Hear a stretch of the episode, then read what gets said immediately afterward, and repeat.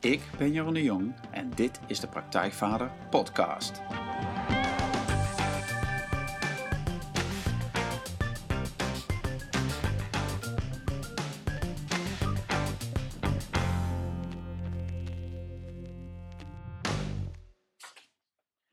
Welkom bij een nieuwe aflevering van de Praktijkvader Podcast. Goed dat je weer luistert. En zoals je weet, iedere week geef ik je een interview met een man of een vader met een goed verhaal die jou gaat helpen om de volgende stap te maken in je vaderschap. En vandaag eh, zit ik hier bij uh, Louis Tavecchio. Louis, goedemorgen. Goedemorgen. Fijn om hier, uh, bij jou hier te zijn. En um, Louis Tavecchio is misschien wel Nederlands grootste deskundige als het gaat om de rol van mannen in de school en in de kinderopvang. Louis werkte 31 jaar bij de Universiteit van Leiden op de faculteit Pedagogiek. En van 2001 tot 2011 was hij hoogleraar pedagogiek aan de Universiteit van Amsterdam. Hij publiceerde meer dan 100 artikelen in nationale en internationale tijdschriften, hoofdstukken en boeken. En hij houdt zich al vele jaren bezig met opvoeding en ontwikkeling van jongens en de betekenis van het vaderschap. Um, Louis is niet bang om stellig te beweren dat de feminisering van het onderwijs vooral voor jongens geen goede ontwikkeling is. Maar hij is nog veel meer, want hij is ook zelf vader van drie kinderen en ook een enthousiaste opa. Dus, van zes kleinkinderen. Van zes kleinkinderen. Met een zevende opkomst. Kijk, dus je bent uh, ervaren in verschillende generaties. Ja. En um, nou ja, Louis, dat is, dat is heel kort uh, wie, jij, wie jij bent of wat je doet. Uh, het is, maar um, ik ben heel benieuwd Um, hè, als, jij, uh, als mensen uh, jou, jou, jou tegenkomen zeg maar, en je stelt jezelf voor aan iemand, uh, wat zeg je dan? Wat doe je dan? Wat, wat vertel je? Dan, dan begin ik, dat is natuurlijk inmiddels een beetje een standaard verhaal geworden, omdat je dat vaker hebt moeten uitleggen. Ja. Dan zeg ik, ik heb heel lang gewerkt, ben begonnen heel lang te werken bij pedagogiek in Leiden. En het is mij op een gegeven moment begonnen me op te vallen dat in al het onderzoek naar ouderschap in gezinnen, met name gezinnen, dat daar eh, wel werd gesproken over ouders. Parents waren vaak Amerikaanse artikelen, Engelstalige artikelen. En dat ik dan ging kijken, op een gegeven moment begon het me op te vallen, dat de proefgroep die was onderzocht en waar uh, aan uitspraken werden ontleend over hun opvoedingsstijl wat het zou betekenen voor kinderen, met allerlei ook berekeningen over lange termijn effecten, dat waren in feite de moeders. Het werden ouders genoemd in de tekst, ouderschap. En vaders werden heel lang, en dat is de laatste tijd iets verbeterd, maar op het moment dat, ik, dat het me begon op te vallen, begon het me daarna ook te ergeren. Ook omdat ik zelf vader was, maar ook omdat ik, en ben, maar ook omdat ik dacht, hoe kan het zijn dat je de betekenis van ouderschap iedere keer versmalt tot moederschap? Want dat gebeurde in feite. En ik denk dat 85, 90 procent van alle artikelen over opvoeden en ouderschap ging over moeders en niet over vaders. Als vaders werden genoemd in die tijd, was het via de uh, perceptie, dus de waarneming, uh, die moeders hadden van wat vaders deden of hoe belangrijk ze waren. Dus je kreeg informatie indirect via de moederlijke waarneming en waardering ook van dat gedrag. Dus, en als wetenschapper en als iemand die gezinspedagogiek deed, want dat was ook toch eens het vak wat ik gaf, heb ik dat een tijd aangezien. Eerst, zoals de vis in het water, niet verbaasd dat er water is, want ouders waren moeders. En ineens, ja, viel er een, een kwartje heel hard naar beneden. Maar er zijn toch ook vaders? Waarom worden die niet besproken in een voetnoot? Een dik boek over, uh, over ouderschap uit 1989. Ik kan het weer opzoeken, maar dat is voor mij altijd een voorbeeld geweest. Daar stonden negen verwijzingen, en meestal nog in een voetnoot, naar vaders in. Het ging helemaal niet over vaders. En, eh, maar hoe kan dat? Hoe kan dat dat dat uh, zo lang, zeg maar, of zo lang, of misschien nog wel steeds, zeg maar, dat, hoe, waar komt dat vandaan, zeg maar, van dat die nou, vaders zo onderbelicht zijn? Het komt uit uh, een, een, waardering van de betekenis van moederschap een soort oerouder. Daar is iets voor te zeggen. De vrouw is zwanger, baart kinderen. Ja. De eerste jaren is zij om allerlei redenen heel close voor het kind, heel belangrijk. Denk ook aan borstvoeding. Ja. De hele sterke intimiteit en het komt uit haar voort. De man doet daar ook iets aan, maar natuurlijk veel minder ingrijpend dan wat er met de vrouw gebeurt. Dus het is niet zo gek. En dan is dat de, de associatie met uh, competentie van vooral voor vroege kinderen, dat de moeder daar competenter in is. Meer gevoel voor heeft, meer geduld. Het kostwinnerschap van de man. Want hij is er wel, maar hij verzorgt andere gezinstaken die belangrijk zijn voor de economische positie van het gezin. Dat de materiële middelen er zijn, een goede huisvesting. Het kind krijgt te eten en te drinken. Eh, ze kunnen op vakantie, ja goed, al die materiële, financiële, economische voorwaarden.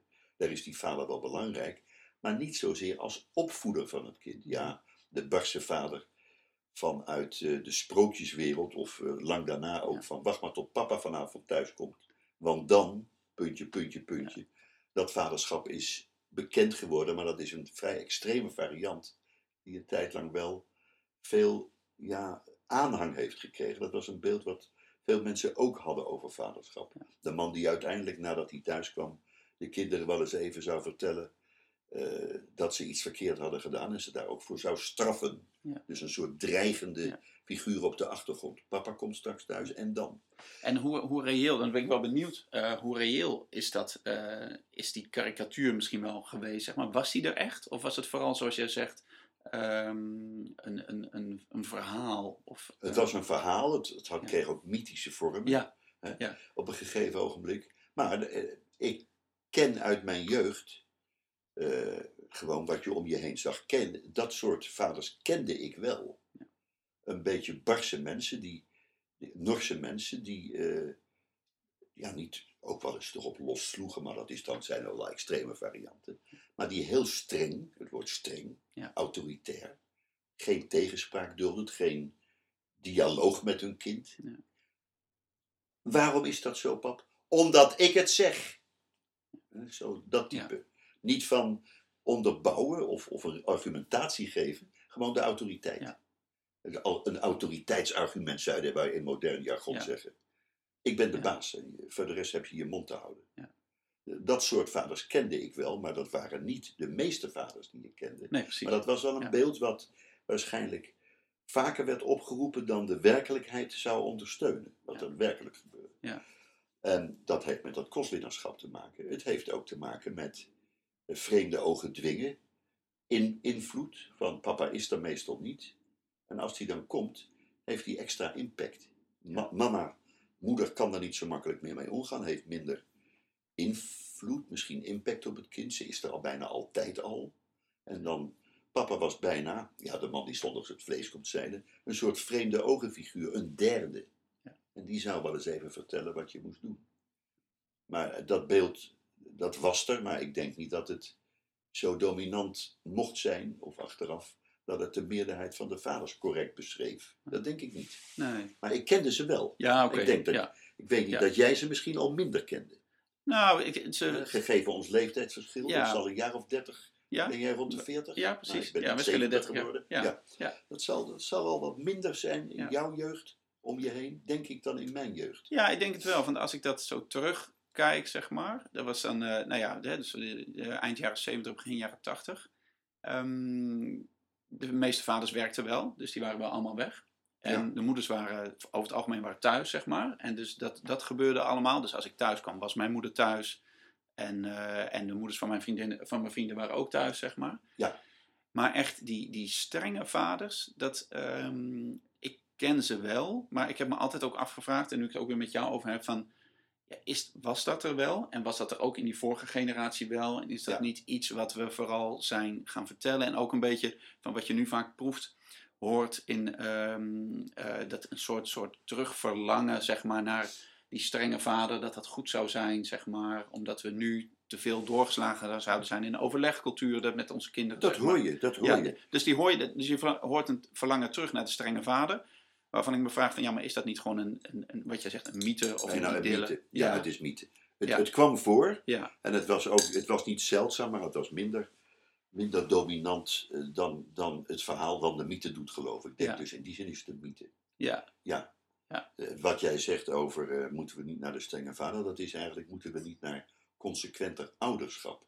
Als je een keer hebt nee gezegd over een bepaald gedrag, het eten van bepaald van snoep, of het wel of niet eerder thuiskomen, of niet te laat dit of niet te veel drinken.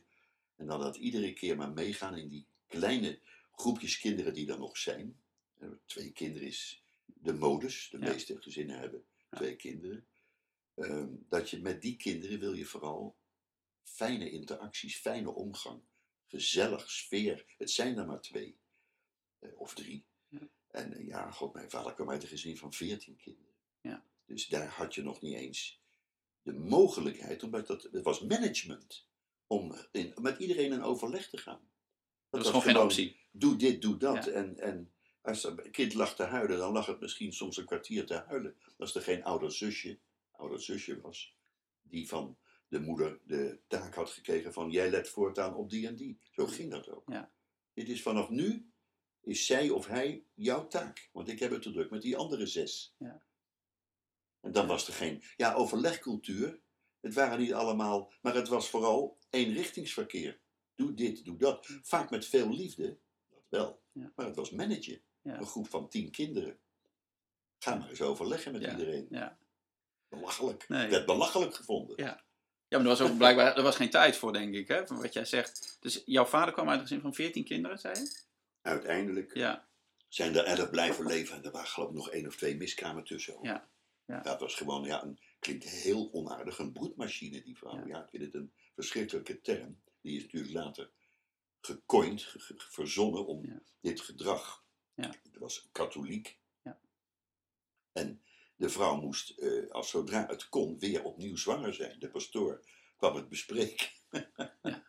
Van, zeg ja, u bent, er zijn er nu, eh, bent nu al twee jaar niet zwanger. Zou het niet eens, eh, zouden we er dan niet nog een paar bij kunnen hebben? Kunt u dan? Ja, het is belachelijk. Ook die, die opdringerigheid.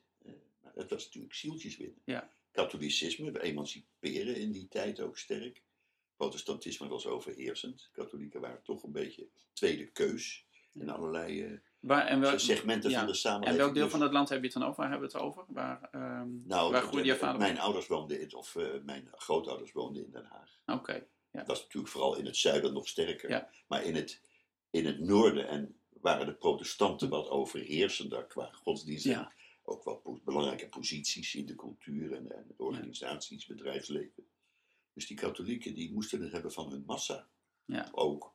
Ja. Om te emanciperen.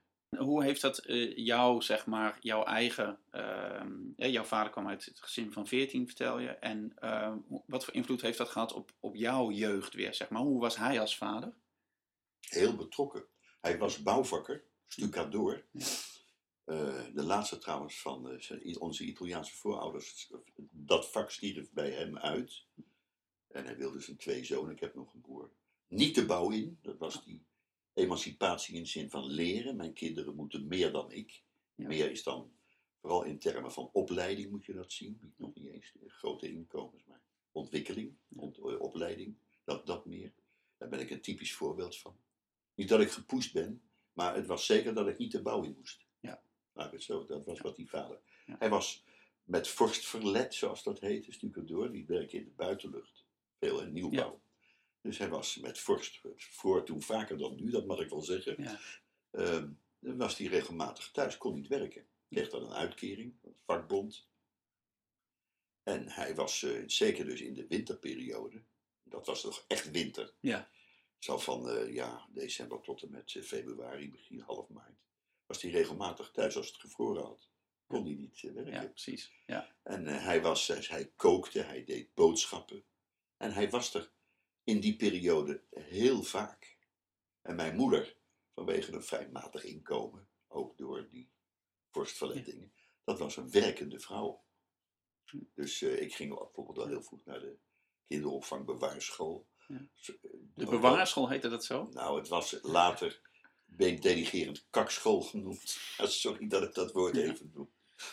dat was de kakschool. Dus dat was voorafgaand aan de kleuter. We hadden Ja. nog aparte kleuterschool. Ja. Van vier tot zes. Ja. En ik ging dus ook wat sommigen de kakschool noemden. En deed naar de kapschool omdat je nog een luier om had? Of, Nou, Ja. zo erg was het Nee, niet. nee. Maar, eh, nou, erg. Ja. Eh, zo jong was ik niet. Oh, oké. is dat niet erg om een luier om te nee, hebben. Maar nee.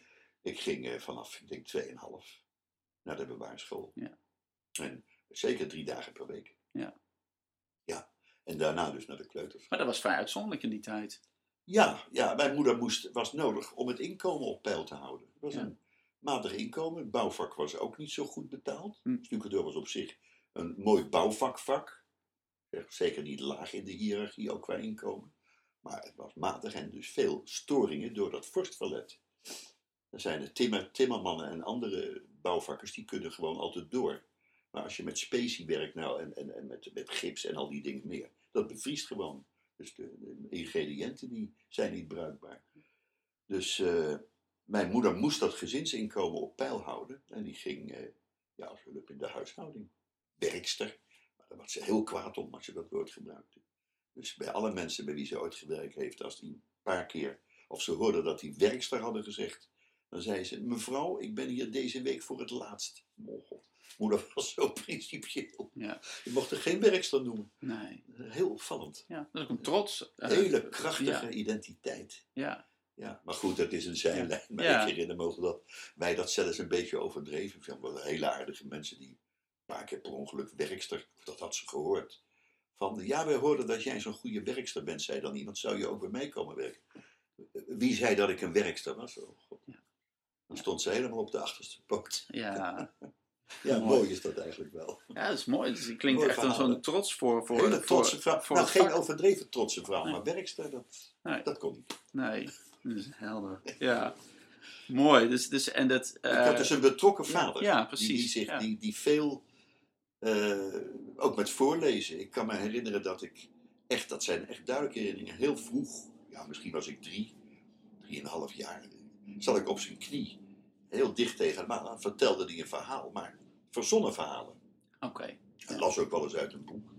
Maar ik herinner me zelfs de naam van het jongetje wat hij opvoerde, Loekie Wink. Ja, dat is een begrip voor mij. En de avonturen van Loekie Wink. En hij verzinde iedere keer iets anders. Loekie Wink was een bedacht ja, stripfiguur. En Loekie Wink die deed allerlei dingen. Dan zat ik op zijn knie. En dan zag ik eh, van nou, nou had hij daar wel genoeg van. Nog even. Begon hij weer over Loekie Wink te praten. Fantastisch. Jarenlang. Ja, Nou, jaren. Maar een heel duidelijke, scherpe herinnering aan Ja. Loekie Wink. ja. Ja, hoe kom je aan die naam? ja, maakt niet uit. En, en wat, wat beleefde Loekie Wink? Heb je nog een voorbeeld van wat er gebeurde met... eh, Ehm, ja, Loekie Wink, die, die ging er altijd op uit. Hij deed dingen. Hij zat niet eh, in een boek te lezen, maar hij ging met zijn vriendjes ging die, eh, in een bootje op, op het water. Ging die roeien en zo. Of, of hij voetbal, mijn vader en, en mijn oudste, mijn, mijn broer, ik heb één broer. Mijn, mijn broer, die, dat zijn enorme voetballers, die gingen voetballen. En die gingen dan met, eh, die ontmoetten dan een stelletje jongens en zullen we een partijtje spelen. En Loekie Wink, die speelde in de voorhoede. En die, ik was natuurlijk wel geïnteresseerd, ik had veel over voetbal gehoord. Dus eh, dat soort verhalen. Eh, maar altijd spannende, avontuurachtige verhalen. Eh, act- activiteiten, dingen doen. Ook een beetje in het donkere bos, in een bunker of in een grot. En daar durfde die misschien niet in. Maar Loekie Wink, die, die zei: Ik ga wel, kom maar achter me aan. Een beetje een, een durfalletje. Ja. Een stoer jongetje. En, en hoe, hoe, ik ben heel benieuwd van, hoe verhoudt zich dat dan tot, jouw vader en jou, zeg maar? Van, van, eh, had je het idee, was jij ook zo'n jongen? Of had jij, eh, ja, hoe, hoe, wat deed dat met jou als kind, die verhalen? wat dat met mij als kind deed. Nou, ik denk niet zozeer dat de inhoud van die verhalen, eh, die zullen ongetwijfeld hebben gehad, maar het hele persoonlijke contact met mijn vader. Het op zijn knie zitten, het, eh, het vertellen. Het was een heel bijzonder gevoel wat ik daarvan kreeg. Heel, heel vertrouwd. En eh, dat hij daar ook de tijd voor nam. Ja, dat, natuurlijk besef je dat op dat moment niet. Want hij is er gewoon voor. Ja. Dan is het gewoon. Dan is het Ja. gewoon. Maar achteraf zie je hoe belangrijk dat, dat toch is geweest om ook, laat ik zeggen, maar niet natuurlijk zoals je dat nu eh, in een, in een ja, ge- geconceptualiseerd hebt, het belang van vaderschap, natuurlijk als peutertje. Maar wel zie je hoe belangrijk vaders kunnen zijn. Ja. Los van mijn moeder, waar ik een hele goede band mee. Ik was een nakomer, mijn broer is elf jaar ouder. Dus ik ben eigenlijk gewoon. Sommigen zeiden, jij bent tot op het bot verwend. Ja. Maar ik was echt wel eh, voor die mensen een eh, heel belangrijk kind. Ja. Vlak na de oorlog geboren. Ja. Eigenlijk in maart, maart 46. In de, in de bevrijdingswoest verwekt. Ja. Je kunt je er allerlei dingen bij voorstellen. Nou, ik was eh, heel dankbaar eh, dat ik er nog kwam. Ja. Zeg maar. Ja. En dat lieten ze blijken of dat ervaren is op je alle manieren blijken, ja. Ja. Ja, ja, zeker. Mooi. Ja, nou, ik, ma- ik mag zeggen dat ik wat dat betreft bijna als enig, ja, ik ben als enig kind opgevoed. Ja. Want ja, mijn broer was 11 jaar ouder. Is, leeft nog steeds, Ja. gelukkig. Maar die is 11 jaar ouder. En hoe, hoe, heeft dat, hoe heeft dat jou vervolgens weer eh, geïnspireerd of, of beïnvloed in jouw eigen vaderschap? Dus dan, hè, die rol van jouw vader. Je zegt, ik had een betrokken vader. Ja. Nou, ik heb vanaf, vanaf eh, los van eh, mijn ervaringen als wetenschapper en de onderwaardering in de literatuur, het weinig bekend zijn van feitelijke informatie over de betekenis van vaders, dat merkte ik als wetenschapper natuurlijk, heb ik ehm, los daarvan, maar ja, wat is los daarvan? Want ik was al op dat pad aan het wandelen toen ik zelf vader werd. Dat ik besefte hoe weinig er over vaders bekend was in de wetenschappelijke li- literatuur.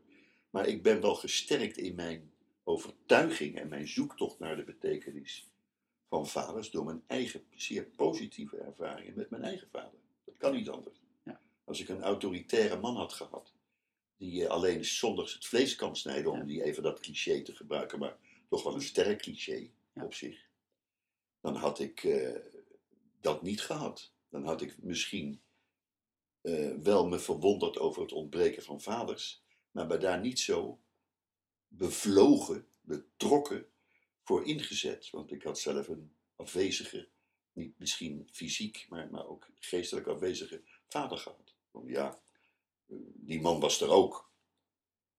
Ja. Wat je mensen ook wel hoort Ja. zeggen. Ja, Ja, mijn vader. Ja. Ja, ja, god, ja, die was er. Ja, mijn moeder die bestierde dat. Hij zat, hij kwam moe thuis en deed hij zijn sloffen uit. En dan eh, zat hij, lag hij op de bank. Hardwerkende mensen daar niets van. Maar dat, dat kan ook vaderschap zijn. Waardoor hun betekenis niet minder belangrijk is, financieel-economisch. Misschien in tegendeel. Want ze kwamen doodmoe thuis iedere dag. Maar hun opvoederrol, ja, die was verdund aanwezig. Ja. Er was geen ruimte voor. Nee, nou, dat is, dat, is, dat is mooi dat je dat zegt. Want ehm, ik- als ik nou, gewoon naar mijn eigen vader kijk, maar ook naar de mannen die ik zie in de training, zeg maar, die, die, eh, die zoeken naar een manier om hun eigen vaderschap vorm te geven. En eh, dat is ook vaak, is dat juist een reactie op eh, een stuk wat ze zelf gemist hebben. Dus, hè, dus als ze Ja, zegt van, ja. eh, mijn vader was er niet, en misschien is dat niet heel dramatisch. Soms is, was hij er gewoon letterlijk niet. Of, eh, nou ja, ehm, omdat ze alleen zijn opgevoed door hun moeder. Ja, Maar ja. soms ook gewoon, maar ik had gewild dat mijn vader er meer was geweest. Of dat hij meer had laten blijken dat hij trots op me was. Eh, de- En zo'n motivatie, om die dan, ehm, dat is eigenlijk een soort, ja, maar ik wil het anders doen. Die daar hoor ik veel vaders over. Maar ik wil het graag anders doen. Ik wil meer aanwezig zijn. Ik wil meer betrokken zijn bij mijn eigen kinderen. Ehm, en, dat, en jij zegt, eh, ja, maar mijn vader was betrokken. En dat heeft mij juist gestimuleerd om daar verder. eh, Ik heb het belang van betrokken vaderschap ingezien. Mijn laatste artikel, Ja. wat ik heb geschreven voor het eh, tijdschrift voor kinderen en jeugdpsychotherapie, ik zal het je meegeven, misschien Ja. heb je er wat aan, Ja. heeft het belang, het grote belang van betrokken vaderschap, Ja. van positief betrokken vaderschap. Ja. En dat komt voor een deel, voor een belangrijk deel, uit mijn eigen ervaring met mijn eigen vader. Ja. Toch. mooi. Ja. Het is dan wel een NS1-studie, Ja. maar het betekent hoe belangrijk vaders kunnen zijn. Het illustreert bedoel ik hoe belangrijk vaders kunnen zijn. Ja. En wat is voor jou de essentie daarvan? Als je, je hebt net weer een artikel over geschreven, je, hebt daar, je bent al heel lang mee bezig. Kun je zeggen wat de essentie is van waarom is een betrokken vader belangrijk? Ja, daar heb ik zoveel over geschreven dat ik nu eigenlijk moet zeggen, wat is nou, anders ben ik een uur aan het woord. Wat is nou de kern van betrokken vaderschap? Nou heb ik het natuurlijk niet alleen, ik, voor dochters weet ik het minder goed, omdat ik zelf uit een jongensgezin Ja. kom.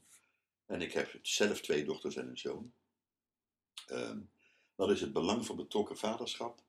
Dat is ehm, toch uiteindelijk, het zijn wat cliché voorbeelden, maar ja, die komen ook ergens vandaan, omdat je ze vaak ziet. Dat is grens verkennen, ehm, een beetje durf, exploratie, dus ontdekkingsdrang, bekrachtigen, grens verleggen, grens verkennen, onafhankelijkheid, autonomie, eh, je losmaken van, eh, met moed, met durf eh, de wereld in, je eigen identiteit durven zoeken, niet altijd naar anderen kijken wat zij ergens van vinden.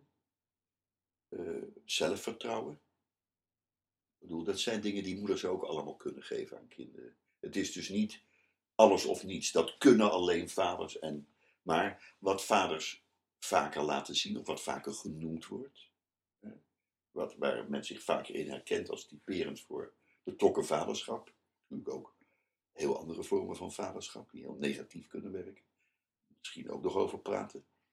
Maar dat is dus exploratie, ontdekken, eh, grens verleggen, grenzen verkennen misschien meer. Hoeven niet meteen verlegd te worden. Grenzen verkennen. Eh, ik geef vaak voorbeelden, omdat mensen dit abstract vinden klinken. Begrijp ik. Dus dan kom ik met verhalen waarvan soms vrouwen in het publiek zeggen: ja, maar dat kunnen moeders ook. Maar dat is omdat je natuurlijk niet.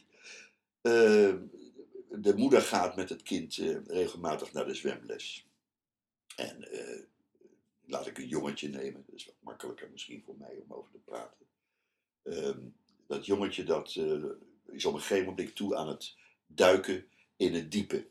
Van de, de, de, duikplank, de eerste, de tweede, de derde, steeds hoger. En de eerste en de tweede duikplank heeft hij gehad, zeg ik maar even. En dan komt hij op de hoogste. Dat trapje loopt hij op en regelmatig, als hij die duikplank oploopt en hij is op de helft, kijkt hij naar mama. Ik durf niet. Het kan echt niet, moet een diploma halen. Iedere keer op het laatste moment. Heel begrijpelijk, deinst hij terug. En op een gegeven moment gaat papa mee. Eh, mama is er niet bij. Mama zegt misschien tegen papa, joh, ga jij eens mee. Hij, hij, hij zet niet door.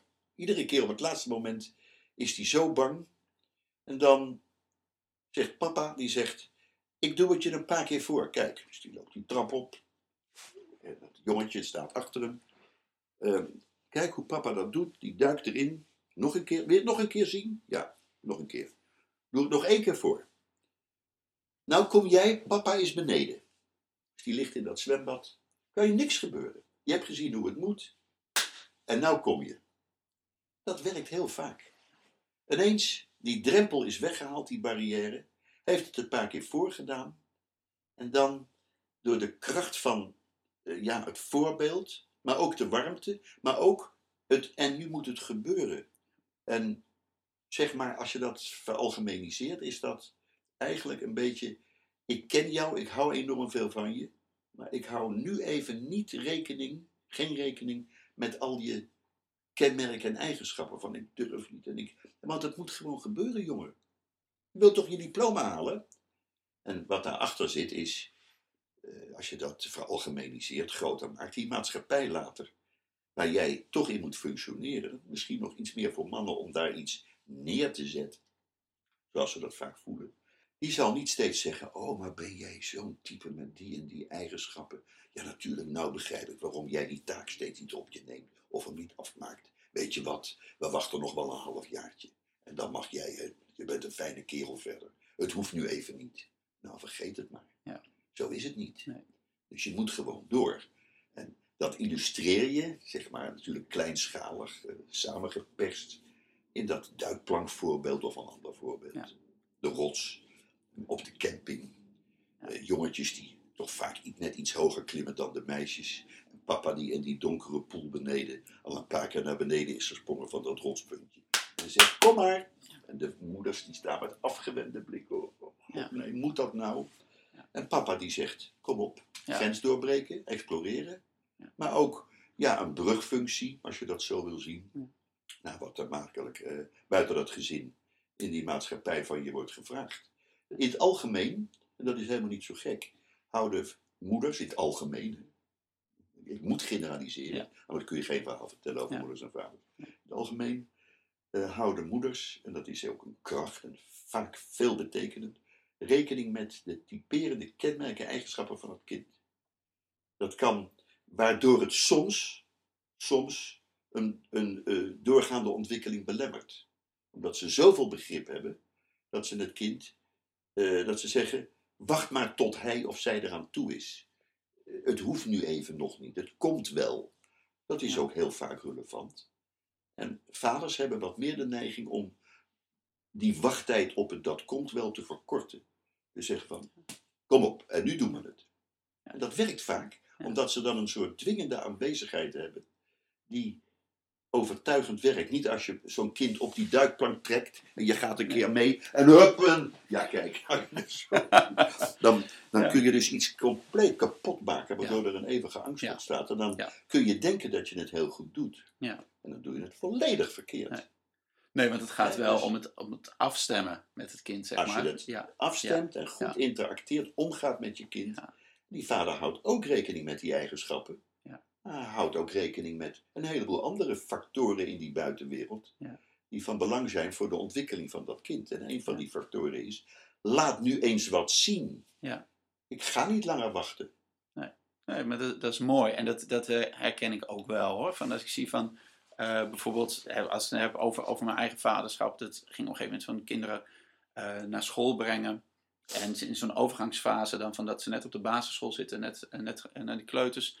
Ehm, dat nou ja, de- mijn, mijn middelste Noek, zeg maar, die vond het soms, dan was het vakantie geweest en dan vond hij het weer lastig om naar school te gaan. Toen hij vier was of zo, Ja. zeg maar. Eh, en dan hij had het fijn op school en dan was, er even, was hij even weer een week thuis geweest en dan vond hij het weer lastig om te gaan.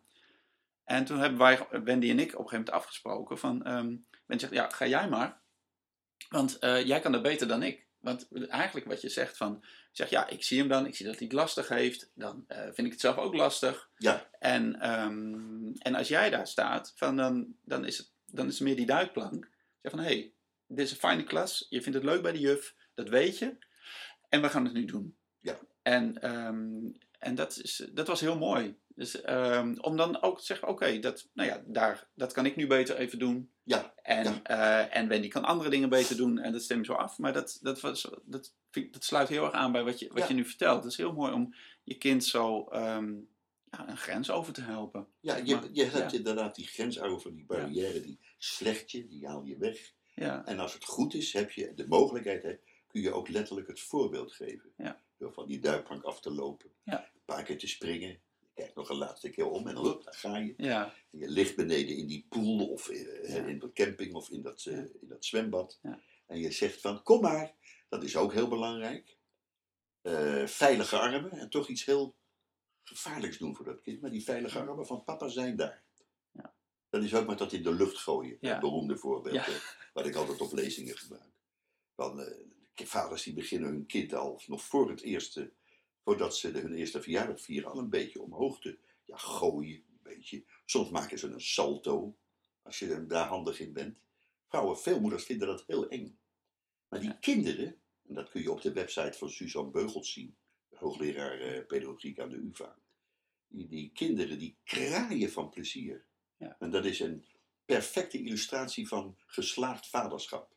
Je doet iets heel spannends, wat het kind op de grens van toch wel heel erg spannend, maar je bent daar met je grote stevige armen tegelijkertijd ook aanwezig. En die manier van het smeden van een relatie, van attachment, van Ja. gehechtheid is heel specifiek voor vaderschap. Ja. Er zijn ook moeders, daar krijg ik dan weer Ja, ja, ja, terug. Moeders doen dat toch ook, ja.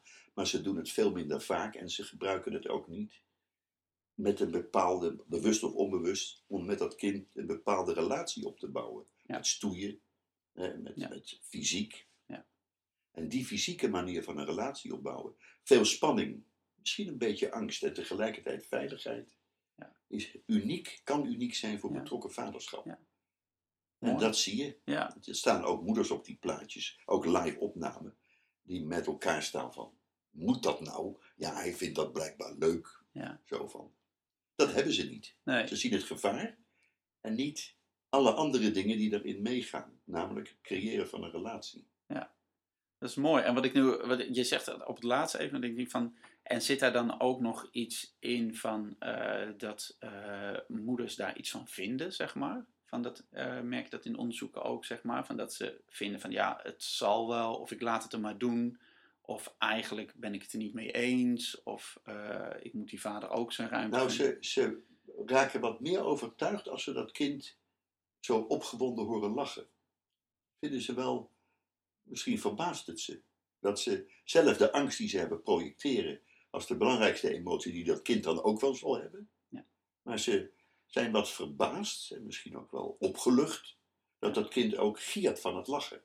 Nog een keer papa, dat zegt zo'n baby natuurlijk niet, Nee. maar die laat wel merken dat het nog een keer moet gebeuren. En nog een keer, en nog een keer. Ja. Kinderen willen in die flow blijven. Dat is zo bijzonder. Ja.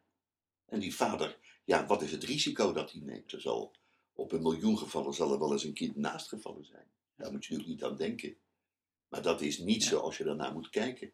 Ja. Als je met de auto de weg op gaat, heb je ook de kans dat het een keer verkeerd afloopt. Ja. Je gaat. Dus ja, de moeders die, die vergroten het ge- gevaaraspect, de factor gevaar, eng, vergroten ze enorm uit. Waarschijnlijk door hun eigen onzekerheid. En ze doen het niet. Ja. Weinig moeders doen dat. Ja, maar Kijk als maar je het zwembad ja, op een camping. Heb je. Ja, ja. Je- hoe vaak zie je moeders dat doen? Een Nee. kind in de lucht. Doen ze niet. Dus dat is ook van hoe vaker je het doet, hoe minder eng het wordt. Dat is ook, Ook dat. Ja. En, en ze onderschatten de, de enorm positieve emotie die het kind erbij heeft. Oké, en dan, dan ben ik wel benieuwd, want ik, had, eh, ook, ik moet nu denken aan een vraag van een vader die ik pas kreeg. Die gaat hier ook over. En die, die zit eigenlijk, die durft dit niet zo goed. Hè? Dat hoor ik ook vaak van, ja, ik wil wel mijn kinderen eh, dat risico gunnen. Of dat, Om, om zo, zo ja, even- of, of het klimrad om te, op te laten rennen, Ja, ja, zeg maar.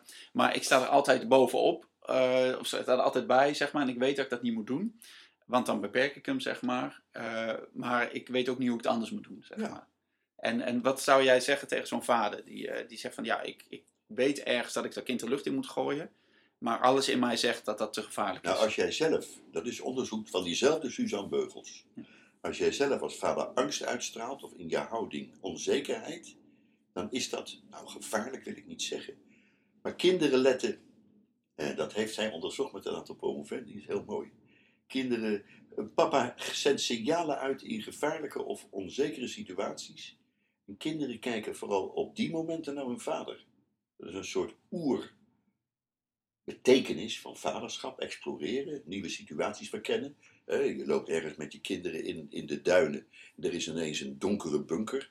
En je zoon en je dochter zeggen, "Maar wil er wel even in. Mama zegt, nee joh, dat kan instorten en dat is gevaarlijk. En god, dat moet je niet doen. En papa die gaat wel of niet. Als papa dat, dat donkere gat ingaat wat naar beneden loopt. Van, laten we maar even kijken, want de kinderen dringen aan. Dan gaan ze. Maar als papa zo van, god nee, dan lopen die kinderen ook. Oh, moet dat eigenlijk wel? Dus in gevaarlijke situaties is het signaal dat de vader uitzendt heel belangrijk. Als die man waar jij het over hebt, als die onzeker is en eigenlijk uitstraalt, dit is eng, dit is gevaarlijk en ik kan je niet beschermen, want dat is dan bijna identiek simultaan aanwezig, dan is het misschien goed dat hij het niet doet. En dan is het beter dat hij wacht totdat hij de zekerheid in zichzelf voelt om het wel te doen. Of hij moet zich op datzelfde ogenblik overwinnen, maar niet een dubbelhartig signaal uitzenden. Want ik doe dit wel, maar eigenlijk vind ik het niet, want ik vind het eigenlijk gevaarlijk. En als er wat gebeurt, dan ben ik te laat en dan ligt ik op de grond. En dan is eh, Maria, of hoe heet ze, vanavond, die zegt, hoe heb je dat nou kunnen doen? Verdorie nog een toe. Heb je. Als dat allemaal door je hoofd spookt, schendt jij een heel dubbelhartig, dubbelzinnig, een dubbele boodschapssignaal uit. Doe het dan maar niet. Dus ik zou die man niet zeggen van schiet op joh, doe dat. Ik zou zeggen, denk er eens goed over na. Als jij jezelf vertrouwd aanwezig voelt in die situatie, doe het dan wel. Want jouw onzekerheid wil niet zeggen dat het een één op één in relatie is. Als jij onzeker bent, valt dat kind meteen van dat klimrek af. Maar ik denk dat het correleert, dat het samenhangt. Als jij daar angstig staat toe te kijken, dan glijdt dat kind waarschijnlijk eerder uit. Die valt eerder, want jij vertrouwt het ook al niet. Laat staan dat hij dat, of zij, Mhm. die dat net aan het uitproberen is. Je moet dus een sterk positief signaal laten zien. Jij kan dat. Dat is denk ik heel belangrijk voor, Ja. voor ouderschap in het algemeen, ook voor moeders natuurlijk. Ja. Dus Nee, maar dat ik is- begrijp, ik respecteer die vader wel. Ja. En eh, Maar hij heeft wat te doen. Met zichzelf. je zegt het. Ja. Heel mooi gezegd. Hij heeft wat te doen.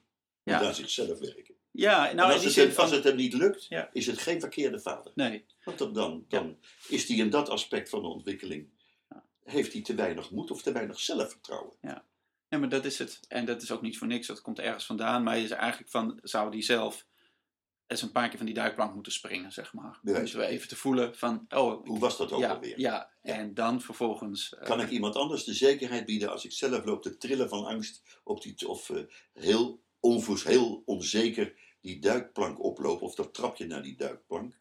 Ja, dan moet ik persoon vertellen, kom op joh, het, het betekent niks, doe het maar. Dat Ja. lukt niet. Nee. Het kind let heel erg Ja. op wat die vader doet, ook al praat hij daar niet bij. Ja. Heel belangrijk. Ja, ja, mooi is dat.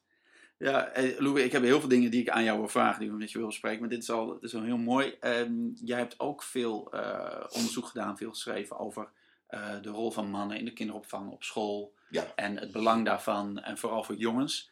En, ehm en dit is een aantal mensen die, die ik zei van, hey, ik ga, ik ga Louis Tavecchio interviewen. Die zeggen, ja, maar eh, wil je eens aan hem vragen van eh, wat, wat er nou, ehm, of hij kan zeggen, eh, wat zo belangrijk is voor jongens dat ze, dat ze veel mannen tegenkomen. Nou, dat is een hele brede vraag, want heb je, maar dat is ook weer, ehm, kun je er iets over zeggen? Laten we, nou, laten we beginnen met, ehm, ik vind het om met de kinderopvang te beginnen. Want dat is natuurlijk een, dat is een heikel punt. Ik hoor het steeds vaker om me heen van twee kanten dat mannen zich, zich niet meer aanmelden als, als leider op de kinderopvang. Ehm, omdat, nou ja, de verhalen over, over seksueel misbruik Ja, zijn geweest. Ja, ja. Maar aan de andere kant, dat ouders dat jammer vinden. Maar dat er ook ouders zijn die zeggen, ja, maar ik vertrouw het ook niet meer. Ik word zelf het bang. risico is te groot. Het risico is te groot. Ja. En eh, ja, kun je over ik zeggen? ook. Ik- Je kunt het iemand niet kwalijk nemen dat hij gegeven het feit dat als er sprake is van misbruik, of het nou in de kerk is of, of in de katholieke kerk of elders, het zijn voor 80, 90 procent voor zover wij weten, eh, zijn dat er zijn ook wel vrouwen die misbruik plegen, maar dat is vaker verhuld en niet zo duidelijk aanwezig. Ze hebben ook meer mogelijkheden. Maar ik zeg niet dat ze het meer doen hoor. Hm. Eh, laat ik zeggen, wat naar buiten treedt is 80 tot 90 procent mannelijk misbruik. Dus je kunt, eh, als er rapportages zijn in de media, gaat het over misbruikende mannen. Stel maar, dat is het oerbeeld. Dus ik kan me voorstellen dat mensen zeggen, ik wil bij jonge kinderen, of zelfs in de onderbouw van de basisschool, vind ik het vervelend als daar een meester is, dat hoor je ook al. Ja. En zeker in de kinderopvang wil ik eigenlijk geen mannen. Of eh, ik breng mijn kind niet. Ik heb een keer met Humberto, Humberto Tan voor BNR Radio, toen hij daar nog werkte. eh, heeft hij mij eh, na, af, naar eh, Robert M. Hm. gebeld. eh, wat ik daarvan vond, dat de ouders steeds vaker eh, eh, hun kinderen niet brachten of deur verder gingen. Als er op een groep een man werkte in de crash, hè, kinderopvang. En toen zei ik van ja, eh, daarmee is elke eh, leider of mannelijke figuur in een opvoedingsrol buiten het gezin in een crash of basisschool is dus een potentiële dader, vindt u? Toen zei hij nee, maar ik breng mijn kind, ik zou mijn kind nu niet naar een. eh, ik was er erg boos op hem, ik zeg, met uw publieke functie, om dat zomaar even te stellen, weet u wel wat dat betekent? Hij zei, ja, maar begrijp je dan de angst niet? Ik zeg, ja, ik begrijp de angst wel, maar we moeten mannen niet alleen maar als potentiële dader. Man in crash, man in onderbouw basisschool is gelijktekend potentiële dader en misbruiker van mijn kind. Ik zeg, we moeten van dat beeld af. Wil jij, of ik weet niet of ik u tegen hem zei, wil jij in zo'n maatschappij leven? Waarin we dat, dat manbeeld verengen tot potentieel daderschap? Toen zei hij nee, maar op dit moment is het te dichtbij. Mhm. Zeg, als we vier, vijf jaar lang niks horen van misbruikende mannen, kantelt het beeld weer?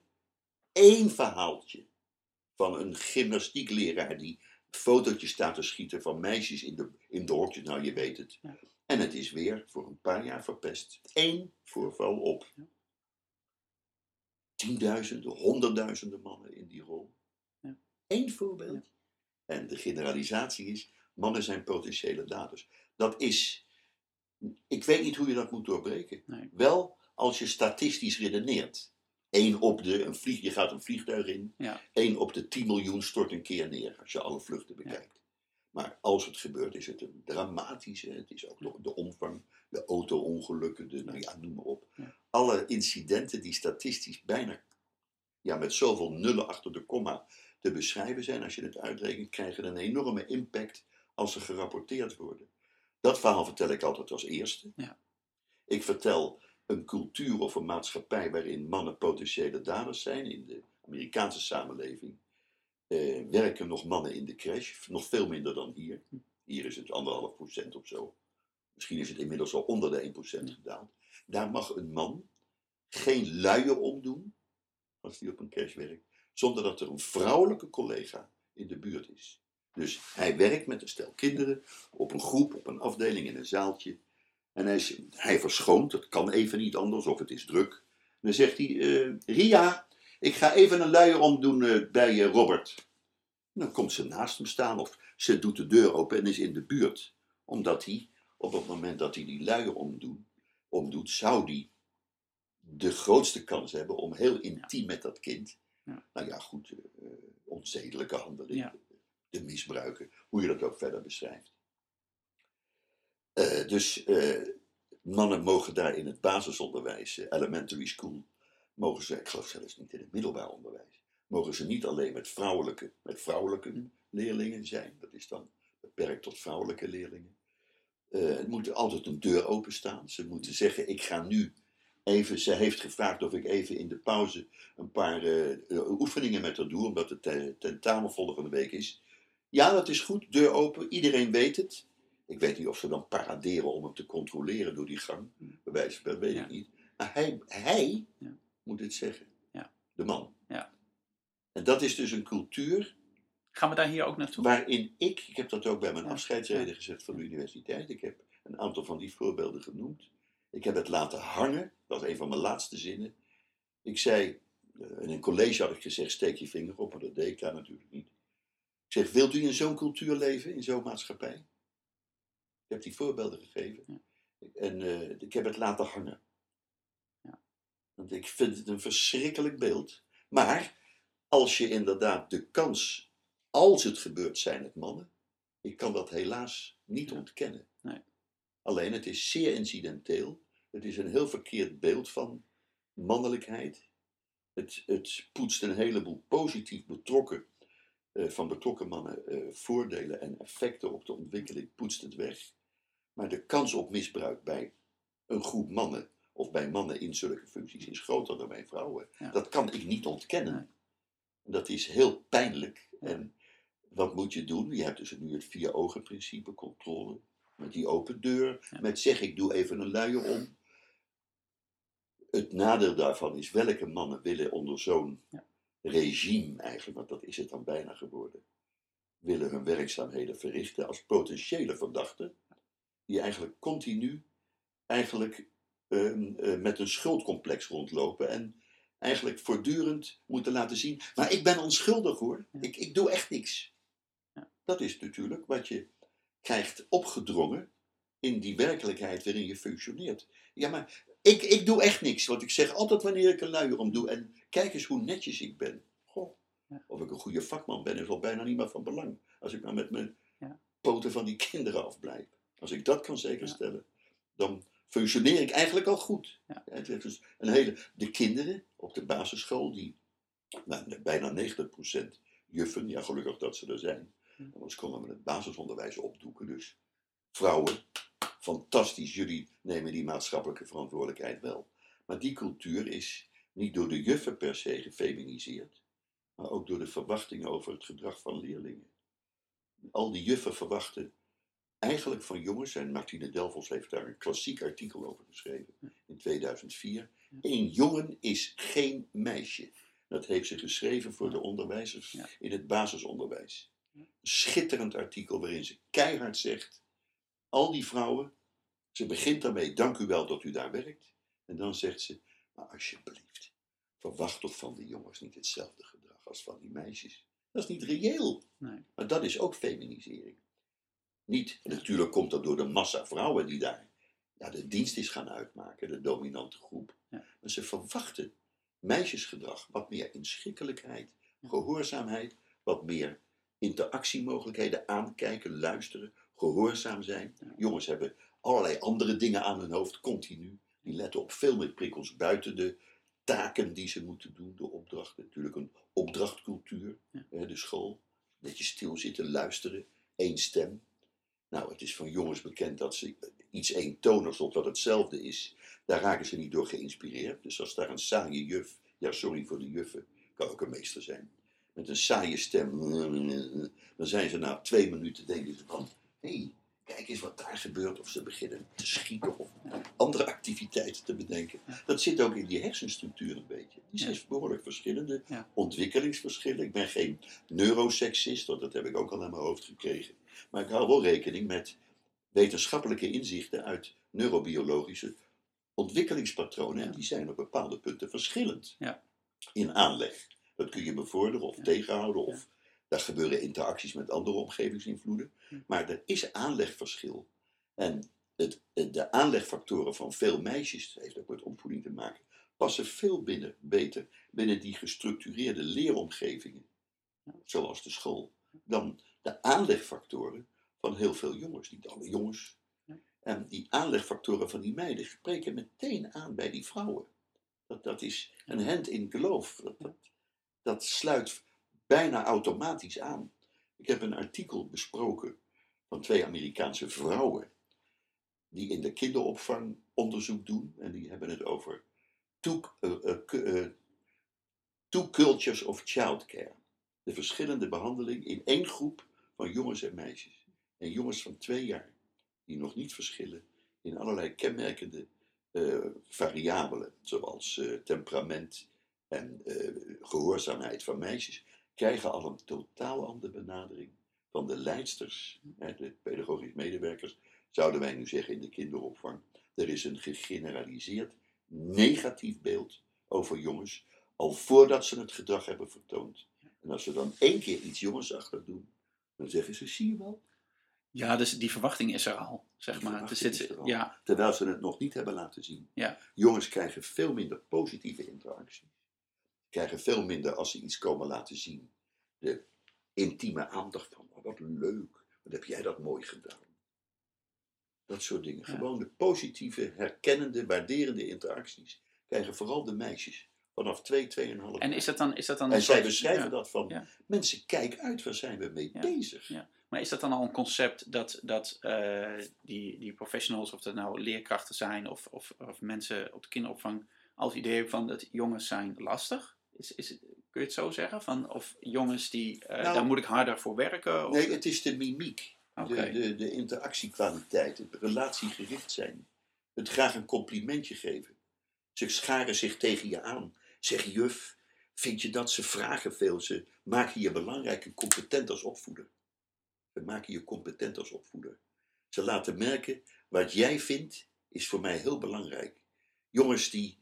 ja, dat gaat over die- meisjes dan. ja, meisjes. Ja, Jongens die laten dat niet zo vaak merken. Ja, ook een heleboel jongens wel, maar nogal wat jongens die trekken hun eigen pad al vrij vroeg. En laten niet zo verschrikkelijk duidelijk merken hoe belangrijk jij bent. Hm. Of dat nou ook met die vrouwen te maken heeft. In ieder geval zijn de weinige meesters die er zijn, maar dat is ook een effect van de, het bijzondere van een meester in deze tijd, voor jongens en meisjes de favoriete leerkrachten. Ja. Daar rennen ze op af. Ja. In de kinderopvang en op school. Ja.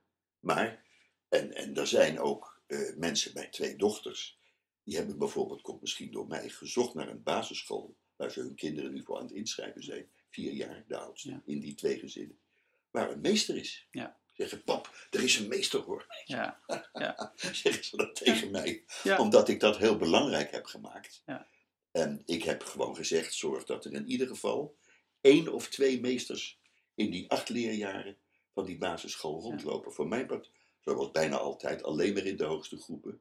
Maar dat ze er wel zijn. Ja. En dat vinden zij ook heel belangrijk. Nou, heeft toevallig mijn, een van de kleindochters, die net op de basisschool zit, heeft nu al een meester. Ja. In groep 1. Oké, nou, dat is helemaal een uitzondering. En dat is een grote uitzondering. Maar alle ouders met wie ik wel eens praat, die vinden dat geweldig. Ook de moeders. Ja. Dus. En daar wordt niet zo gauw gedacht van, zit die, zit die misschien wel aan mijn kind? Nee, ja, het is een Natuurlijk een andere situatie dan de kinderopvang, Ja. waar je intiem lichamelijk contact hebt. Noodzakelijkerwijs met Ja. die kinderen. Ja, en het is maf wat jij zegt, eigenlijk alleen al omdat er een man is en nog niet eens om wat hij doet, eh, vinden kinderen het al aantrekkelijk. Dat zou waarschijnlijk Ja. als er alleen mannen zouden werken, stel even. Ja. Dus dat moet je niet overdrijven. En er zouden een paar vrouwen ook rondlopen, dan Ja. zouden die vrouwen even bijzonder Ja. worden hoor. Dus Ja, je kunt dat niet alleen, of misschien zelfs niet hoofdzakelijk aan Nee. eh, het man zijn toe. Dat is moeilijk natuurlijk te scheiden, Ja. want die twee invloed, beïnvloedende factoren vallen samen. ja. Nou ja, de ene man is de andere man ook niet. Hè? Dus, Nee, dus dat, nee, eh, nee. dus dat, en dat geldt ook voor de ene juf, is de andere juf niet. Zeker. Nee. Hey, en, ehm, en En, en de jongens, de jongens in, Ja. eh, nog één punt. Ja. De jongens in die omgevingen, zowel in de kinderopvang, maar later op school, krijgen dus ook sterk de boodschap mee. Dit vakgebied, dit beroep, domein is niks voor mij. Ik heb alleen maar vrouwen om me heen gezien. Wat zou ik hier als man onderwijzer worden of leerkracht? Ja. Nee, dat, ik, dat waren vrouwen. Dus het wordt ook in de, ja, moet je zeggen, de beeldvorming rondom het beroep, die vervrouwelijkt zodanig, geen negatief woord, maar gewoon als beschrijvende term, dat jongens, opgroeiende mannen, dat niet meer als een beroepsdomein gaan ervaren. Want daar heb ik niks te zoeken. Ja. Lopen alleen maar vrouwen rond. Ja, net zoals het andersom ook werkt, zeg maar. Hè. Van, de vrouwen hebben daar natuurlijk wel een slag in gemaakt. eh, Zeker. De afgelopen 40 jaar die wel eh, mannenberoepen zijn gaan doen. Ja. Ehm, en de, nou ja, maar ik Maar die, benieuwd... die overstap is nog altijd vanwege de Ja. toch wel dominantie van mannelijke waarden en normen. Ja. Die mag, mag voor mij best een heel stuk minder Ja. in het algemeen. Als je die overstap als vrouw naar die beroepsdomeinen maakt, dan emancipeer je. Ja, Terwijl als je als man een overstap, maar sommigen noemen dat misschien een terugval, zou maken naar vrouwenberoepen, dan emancipeer je Nee. niet. Dan is die term emanciperen, maar die zou eigenlijk ook in dat geval moeten worden gebruikt. Ja. Dat mannen emanciperen naar het leraarschap terug emanciperen. Als het ware teruggaan naar wat ze voor de Tweede Wereldoorlog in meerderheid waren. De leerkrachten op de basisschool waren mannen.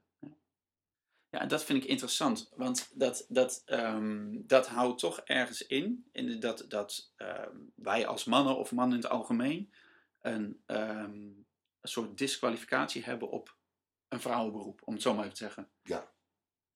En heb Ja, je een Het idee... is, het is horizontaler. Ja. Het is horizontaler. eh, excellerende leerkrachten in het basisonderwijs of in de Ja. kinder- of mee- pedagogische medewerkers die fantastisch betrokken hun beroep uitoefenen. En mensen die hun dag volmaken, 9 tot 5, krijgen hetzelfde salaris. Ja. Daar is zelfs het benoemen, het, het in discussie brengen van kwaliteitsverschillen in de beroepsuitoefening is not done. Nee. En in de vrouwenwereld volgens mij sterker het geval dan in de mannenwereld. Ja. Daar is op een gegeven moment mogelijk, ja, maar die is zo goed. Zegt dan een, een chef of een afdelingshoofd, ik wil die man of die vrouw wel wat meer betalen. Is zo goed. Ja. Maar zij hebben hier, op je 39ste, als je een pabo hebt gedaan, en je doet gewoon je werk op zo'n niveau, of je doet het op een acceptabel niveau, Ja. want het is niet echt onvoldoende, verdien je hetzelfde en op je, tegen je 40ste ben je klaar. Ja. Kom je niet hoger meer. Dat spreekt mannen ook niet aan. Nee. Mannen willen, ook in sociale domeinen, sociale beroepsdomeinen, willen ze toch beloond worden voor eh, prestatieverschillen. Ja. En dat is niet in het onderwijs. Nee. Ik heb mensen gezien, heel veel opnamen gemaakt, gesproken, in de kinderopvang dan. Met mensen dat je zegt dat je een leidster zag. Nou, ik noemde toen nog leidster. Ja. Moet pedagogisch medewerker zeggen. Wat is die vrouw goed zeg. Jee, wat fantastisch. En ik heb ze natuurlijk ook gezien. Waarvan je bij wijze van spreken op de klok zag kijken van, nou, ik kan bijna naar huis. Ja. Nee, ik ze niet kwalijk, het Nee. niet. Maar die verdienen hetzelfde. Ja. Ja, en dat, Dat, is... maakt ja, niks uit. Nee. Maar dat, dat is, eh, jij, volgens jou is dat één reden waarom eh, mannen niet voor dat beroep kiezen. Mannen gaan voor het geld. Om- Ja. maar dat zit ook in hun genen voor een deel. Ze hebben altijd beroepen gezocht als ze ook opleiding daar hadden, of, of capaciteiten of andere cursussen hadden gedaan, waarin ze meer konden. Ja. In ieder geval meer invloed konden uitoefenen. En dat ging vaak, niet altijd, samen met ook een hoger inkomen. Maar in ieder geval ja, een beetje meer de baas spelen. Ja. Dat is ook een winnen. Competitie, Ja. hoe je het ook noemt. Ja. Heeft ook een wat vreemde bijklank. En veel vrouwen Ja. als je praat, ik heb veel lezingen gehouden voor teams die bestaan uit vrouwen, basisscholen. Heel fijn, want ze nodigden me uit. Ja. En dan begon ik over dat jongetje zo graag willen winnen. Of met een geweertje spelen. En dan werden ze, begonnen ze een beetje boos te kijken. Maar dat wil ik daar nou juist uit hebben, zeiden ze dan. Ja. Dat vinden we geen leuke eigenschappen van jongens en mannen. Die competitie, altijd maar willen winnen. En als ik een geweertje zie, dan pak ik het van hem af. Dan zeg ik, voel je mag niet schieten. Oké. Maar dat zit er dus wel in. Ja. Ze moeten veranderen. Ja. En Sommigen zeggen, maar dat weet jij ook. Ja. Dat vrouwen vanaf in de wieg willen ze al mannen veranderen. Dat is dan ook een cliché. Ze veranderen zichzelf niet, maar vooral de mannen om hen heen moeten veranderd worden. Ja. Maar dat is natuurlijk ook die opvoedende taak. Ja. Maar dat al niet accepteren van typerende, ik denk deels aangeboren eigenschappen van jongetjes. Ja. Winnen competitie, de beste zijn. Wie het verst kan plassen, Ja. wie het hardst kan schoppen. Nou ja. Ja. dat is identiek aan een bepaalde eh, aangeboren capaciteiten of ja, eigenschappen van jongens. En moet je dat eruit halen? Ja. Of moet je het op een leuke manier gebruiken? Nou ja, ik denk dat... dat En dat ja, is het. Ja, precies. En je moet niet Ja. denken, dat is het eerste wat ik ze eens ga afleren. Nee. Want ik weet het eigenlijk, dat hoort niet. Ja. Dat zie je sommige van die met name wat oudere vrouwen heel gedecideerd zeggen. Dan Ja. denk ik van, Ja. ja, ik blijf altijd beleefd. En dan denk ik, nee. Zo had je dat echt niet moeten doen. Er zullen heel wat gefrustreerde jongetjes uit jouw klas zijn vertrokken. Die afgeknepen zijn. Ja. Dat- Ja, ja, ja, ja. Ik, ik, kan, ja. ik kan me voorstellen. Maar ik ben wel benieuwd van, van, eh, van we kunnen dat eh, op, op lange termijn eh, zeggen, nou, oké, misschien moeten we de pabo's anders inrichten, misschien moeten we iets in beloning gaan doen. Ja, En- trouwens, daar komen geen jongens meer in. Nee, nee dus, eh, dus dat, is allemaal, dat is allemaal, stel dat we dat zouden willen, meer mannen op school, omdat dat, dat goed zou zijn. Ehm, maar en, maar dat is wat je ook doet, is een lange termijn verhaal. Dat is niet morgen al geregeld. Nee. Dus, dus ik, wat zouden we nu al kunnen doen, als, eh, misschien als ouders of als vaders of als scholen, zeg maar, gewoon met, met hoe de situatie nu is. Om, om die jongens eigenlijk, want dat is volgens mij, hè, om die jongens meer ruimte te geven om zichzelf te laten zijn. Of De die- jongens op school. Ja, die jongens op school, of die kwaliteiten die jongens hebben, dat die die meer in kunnen zetten op een constructieve manier. Of dat we daar minder het gevoel hebben dat we daar last van hebben. Of, Nou ja, het, ik, eh, overal waar ik kom eh, deel ik het artikel van eh, Martine Delvels uit. Ja. Ik deelde haar boek De Schoonheid van het Verschil en Verschil mag er zijn. Ja. Daar heb ik het over. De lezingen, ik geef voorbeelden. In de inrichting van het onderwijs. Op korte termijn, ja, je zou meer jongens moeten hebben. In Nijmegen is er een, een opleiding, weet niet hoe die heet. Leids Hoge, of eh, Nijmeegse Hogeschool. ja, De Hogeschool Hoge- Arnhem Arnhem Nijmegen. Ja. De Hogeschool Arnhem Nijmegen. Ja. Waar jongens apart worden gezet die naar de PABO komen. In aparte jongensklassen. En dan lopen ze niet na drie maanden weg. Ja. En dat onderwijs is niet kwalitatief minder of zo. Maar ja, er ontstaat een soort subcultuur van jongens onder elkaar. Terwijl die jongens als enige in een klas van 23 meiden. Ja. ja daar is terecht en begrijpelijk een vrouwencultuur. Die ook is, steeds meer is gaan lijken op wat blijkbaar een basisschoolleerkracht moet zijn. Hoe die zich moet gedragen. Die jongens, die, een voorbeeld is de reflectie. Er zijn hele veel opdrachten die met zelfreflectie te maken hebben. Dat je, wat, eh, hoe beleef je dat? Waarom heb je dat gedaan? Hoe kijk je erop terug? Hoe zou je het anders doen? Hoe zou je in die situatie handelen? En heel veel reflectievragen. Dat is belangrijk. Maar je komt er een heel eind mee in die opleiding als je goede reflectierapporten inlevert. En die meiden maken die rapporten samen. Ja. Weet je wel? Dus Ja. dat, ik heb een groep van die jongens gesproken die zeiden dat ze onder meer daarom weg wer- zijn gegaan onder de typering van ik Ja. dacht dat ik hier een vak kwam leren. Ja. En niet hoe ik zelf reflectierapporten moest schrijven. Dat is natuurlijk overdreven, want dat is ook belangrijk. Maar het gaat om het accent.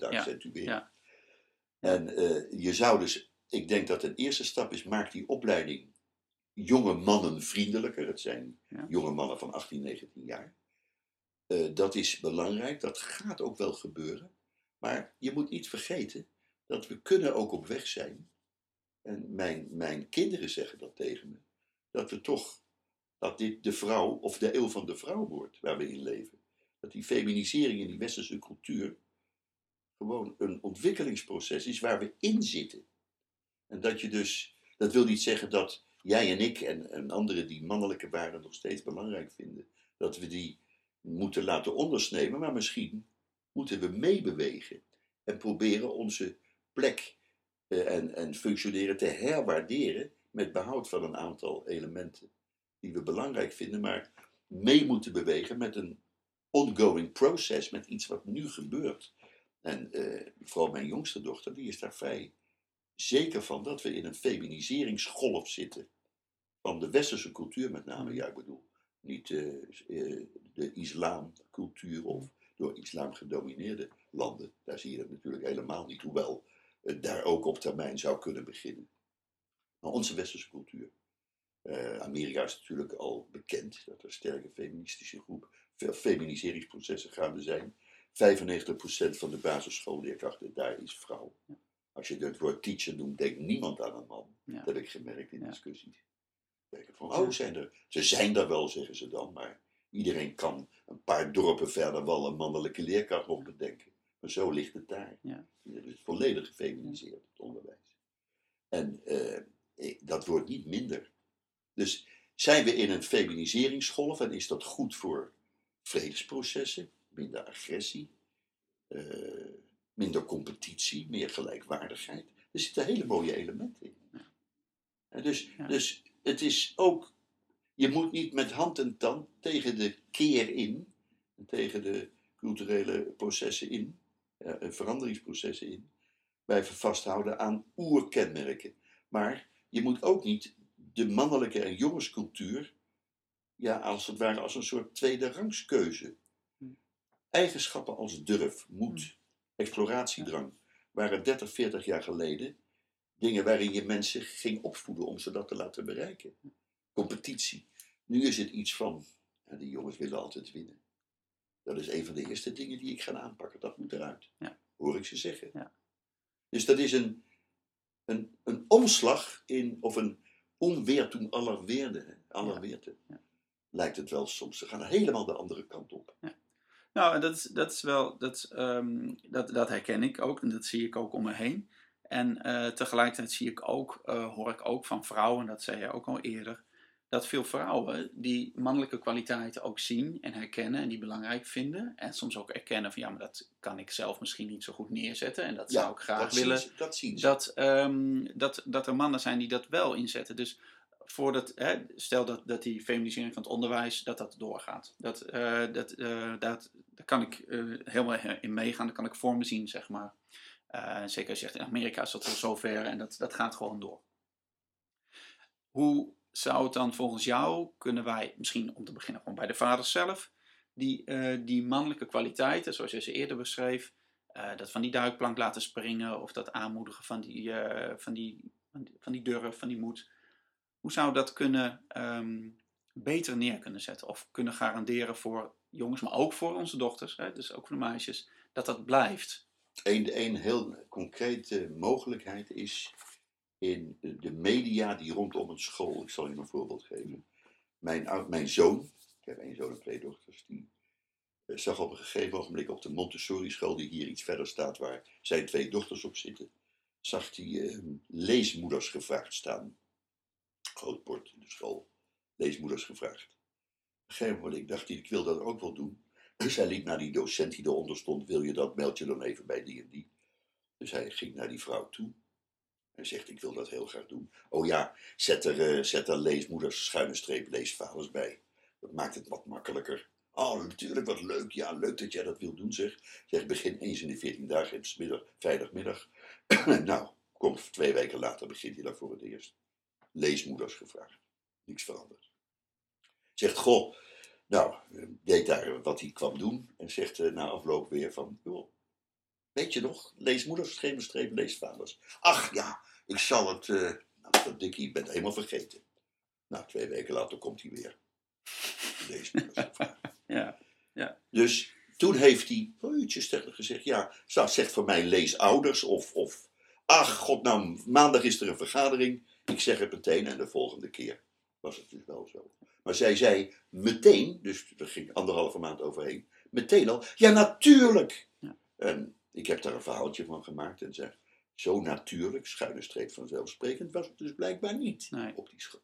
Nee. Mensen moesten dus even ja, zichzelf reprogrammeren, resetten. Ja. Oh ja, oh ja. En toen er een harde reset kwam, Ja. maar mijn zoon werd een klein beetje minder vriendelijk, Ja. zal ik maar zeggen. Iets van, joh, maar waarom doe je dit? Ach ja, en toen gebeurde het. Ja. Dus je moet het vanzelfsprekend maken in plaatjes, foldermateriaal, Ja. filmpjes van die school.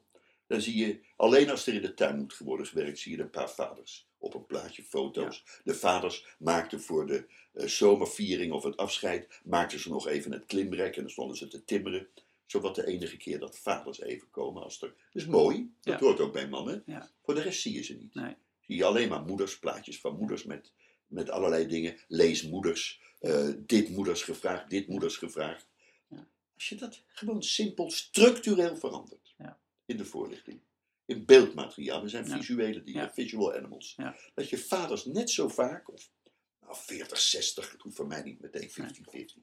Maar dat je vaders heel vaak ziet in filmpjes, in voorlichtingsmateriaal. Dat je een vader niet alleen maar een, een stuk hout ziet betimmeren, maar ook eens een keer wat anders. Met een boek op zijn schoot en een kind waar hij tegen praat. Ja.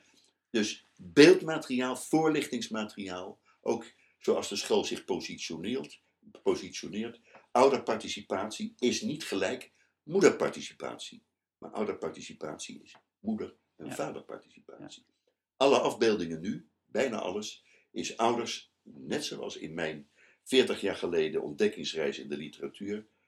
Ouders is moeders, dat moet weg op Ja. school. Ja. Ouders zijn moeders en vaders. Ja. Heel simpel Ja. in het voor. Maar dan moeten ze nieuwe dingen gaan bedenken, nieuwe teksten, Ja. nieuwe websites. Ja, eh, dat is een investering. Zien ze het belang daarvan in? Ach, laat maar. Nou ja, en het Dus- vraagt ook iets, wat ik, wat ik, het vraagt ook iets van de vaders zelf, merk ik. Want eh, ik spreek natuurlijk ook veel mannen en die, die, het verhaal wat jij schetst, eh, dat, dat vertellen zij ook. En die zeggen, ja, maar het zou zo mooi zijn als er meer mannen zouden zijn of meer vaderbetrokkenheid op school. Precies.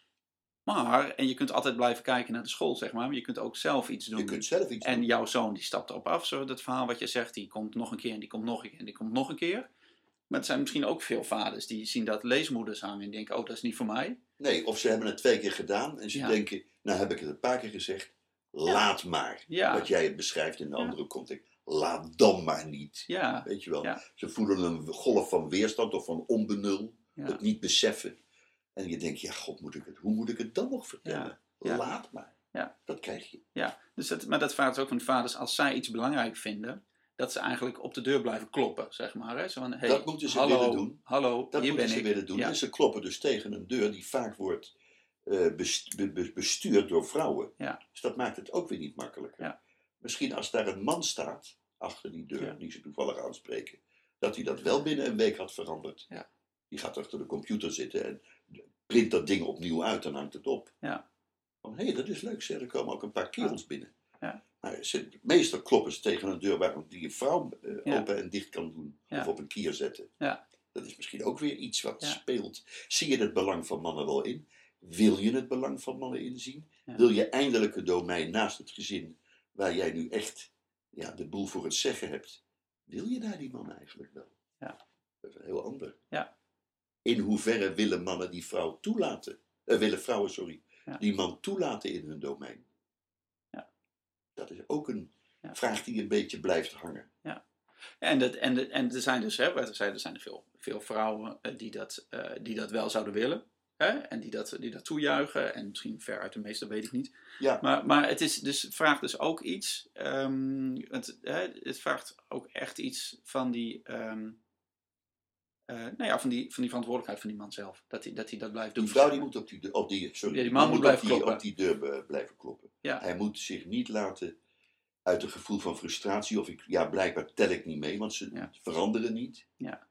Dat hij een gevoel van het helpt toch niet, of een laat maar gevoel krijgt. Veel mannen krijgen dat. Ja. Ja. Als, als het de vrouw een initiatief neemt, dat is misschien ook omdat ze niet zo goed omgaan met een leidinggevende vrouw Ja. die het initiatief neemt. Daar moeten ze zij dan in veranderen. Ja. Maar in die school ja, zijn de vrouwen de baas. In de kinderopvang zijn de vrouwen Ja. de baas. En in het gezin nog meestal ook nog. Ze blijven, je kunt ook zeggen, ze, ze eh, versterken zich in hun domeinen. Omdat dat zekere domeinen zijn waar zij het voor het zeggen Ja. hebben. En ja, dat zou kunnen.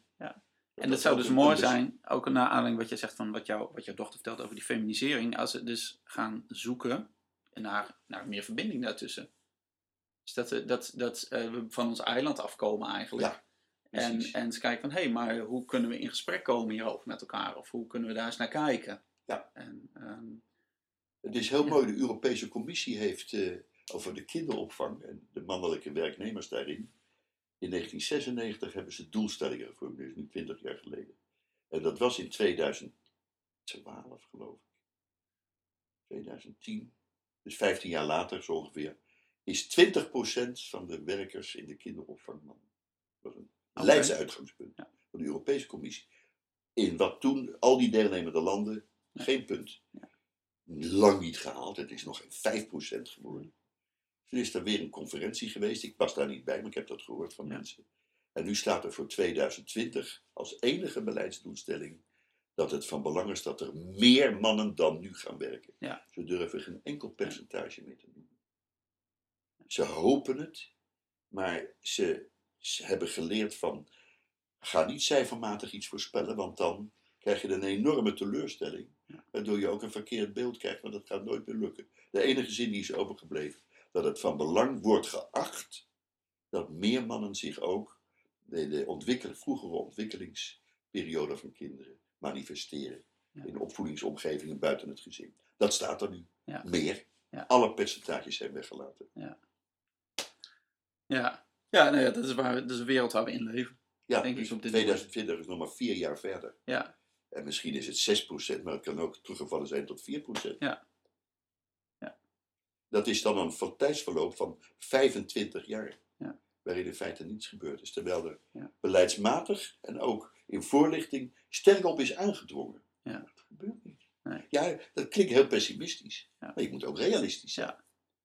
Nou ja, maar dat, is- dat is wat er gebeurt. En tegelijkertijd, en dat, daar hebben we het ook eerder vaak over gehad, zie je ook allerlei eh, initiatieven, maar ook bij mannen zelf, zeg maar, om te gaan zoeken naar wat het is om, om een vader te zijn. Of, of eh, er zijn allerlei initiatieven, zowel in de hulpverlening, als, eh, maar ook daarbuiten.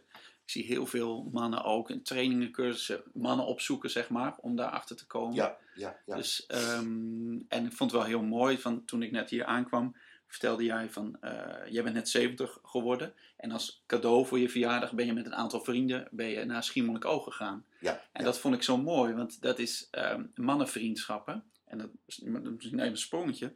Maar dat is ook, ehm, dat is ook niet altijd even vanzelfsprekend, zeg maar. Even goede vriendschap tussen mannen of waar je het echt over hebt. Nee, Jij vertelde dat je, de groep die mannen ken je al heel lang.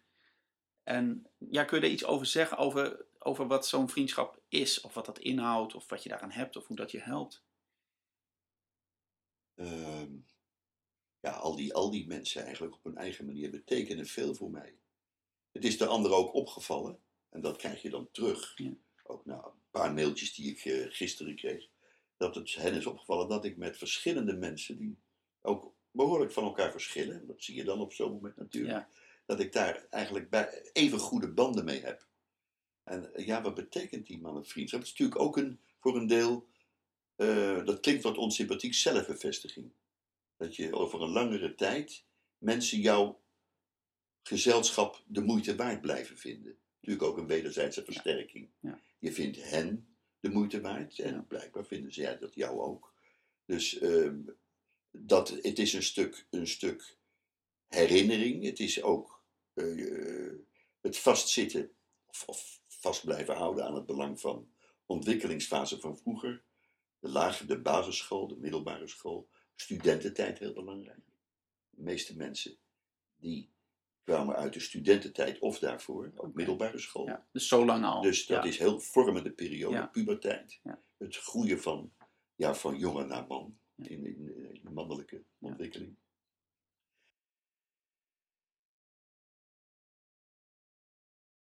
Ja, Louis, we hadden het over die mannenvriendschappen. Ja, dat heeft dus, eh, zeg maar, eh, wederzijdse bevestiging is heel belangrijk.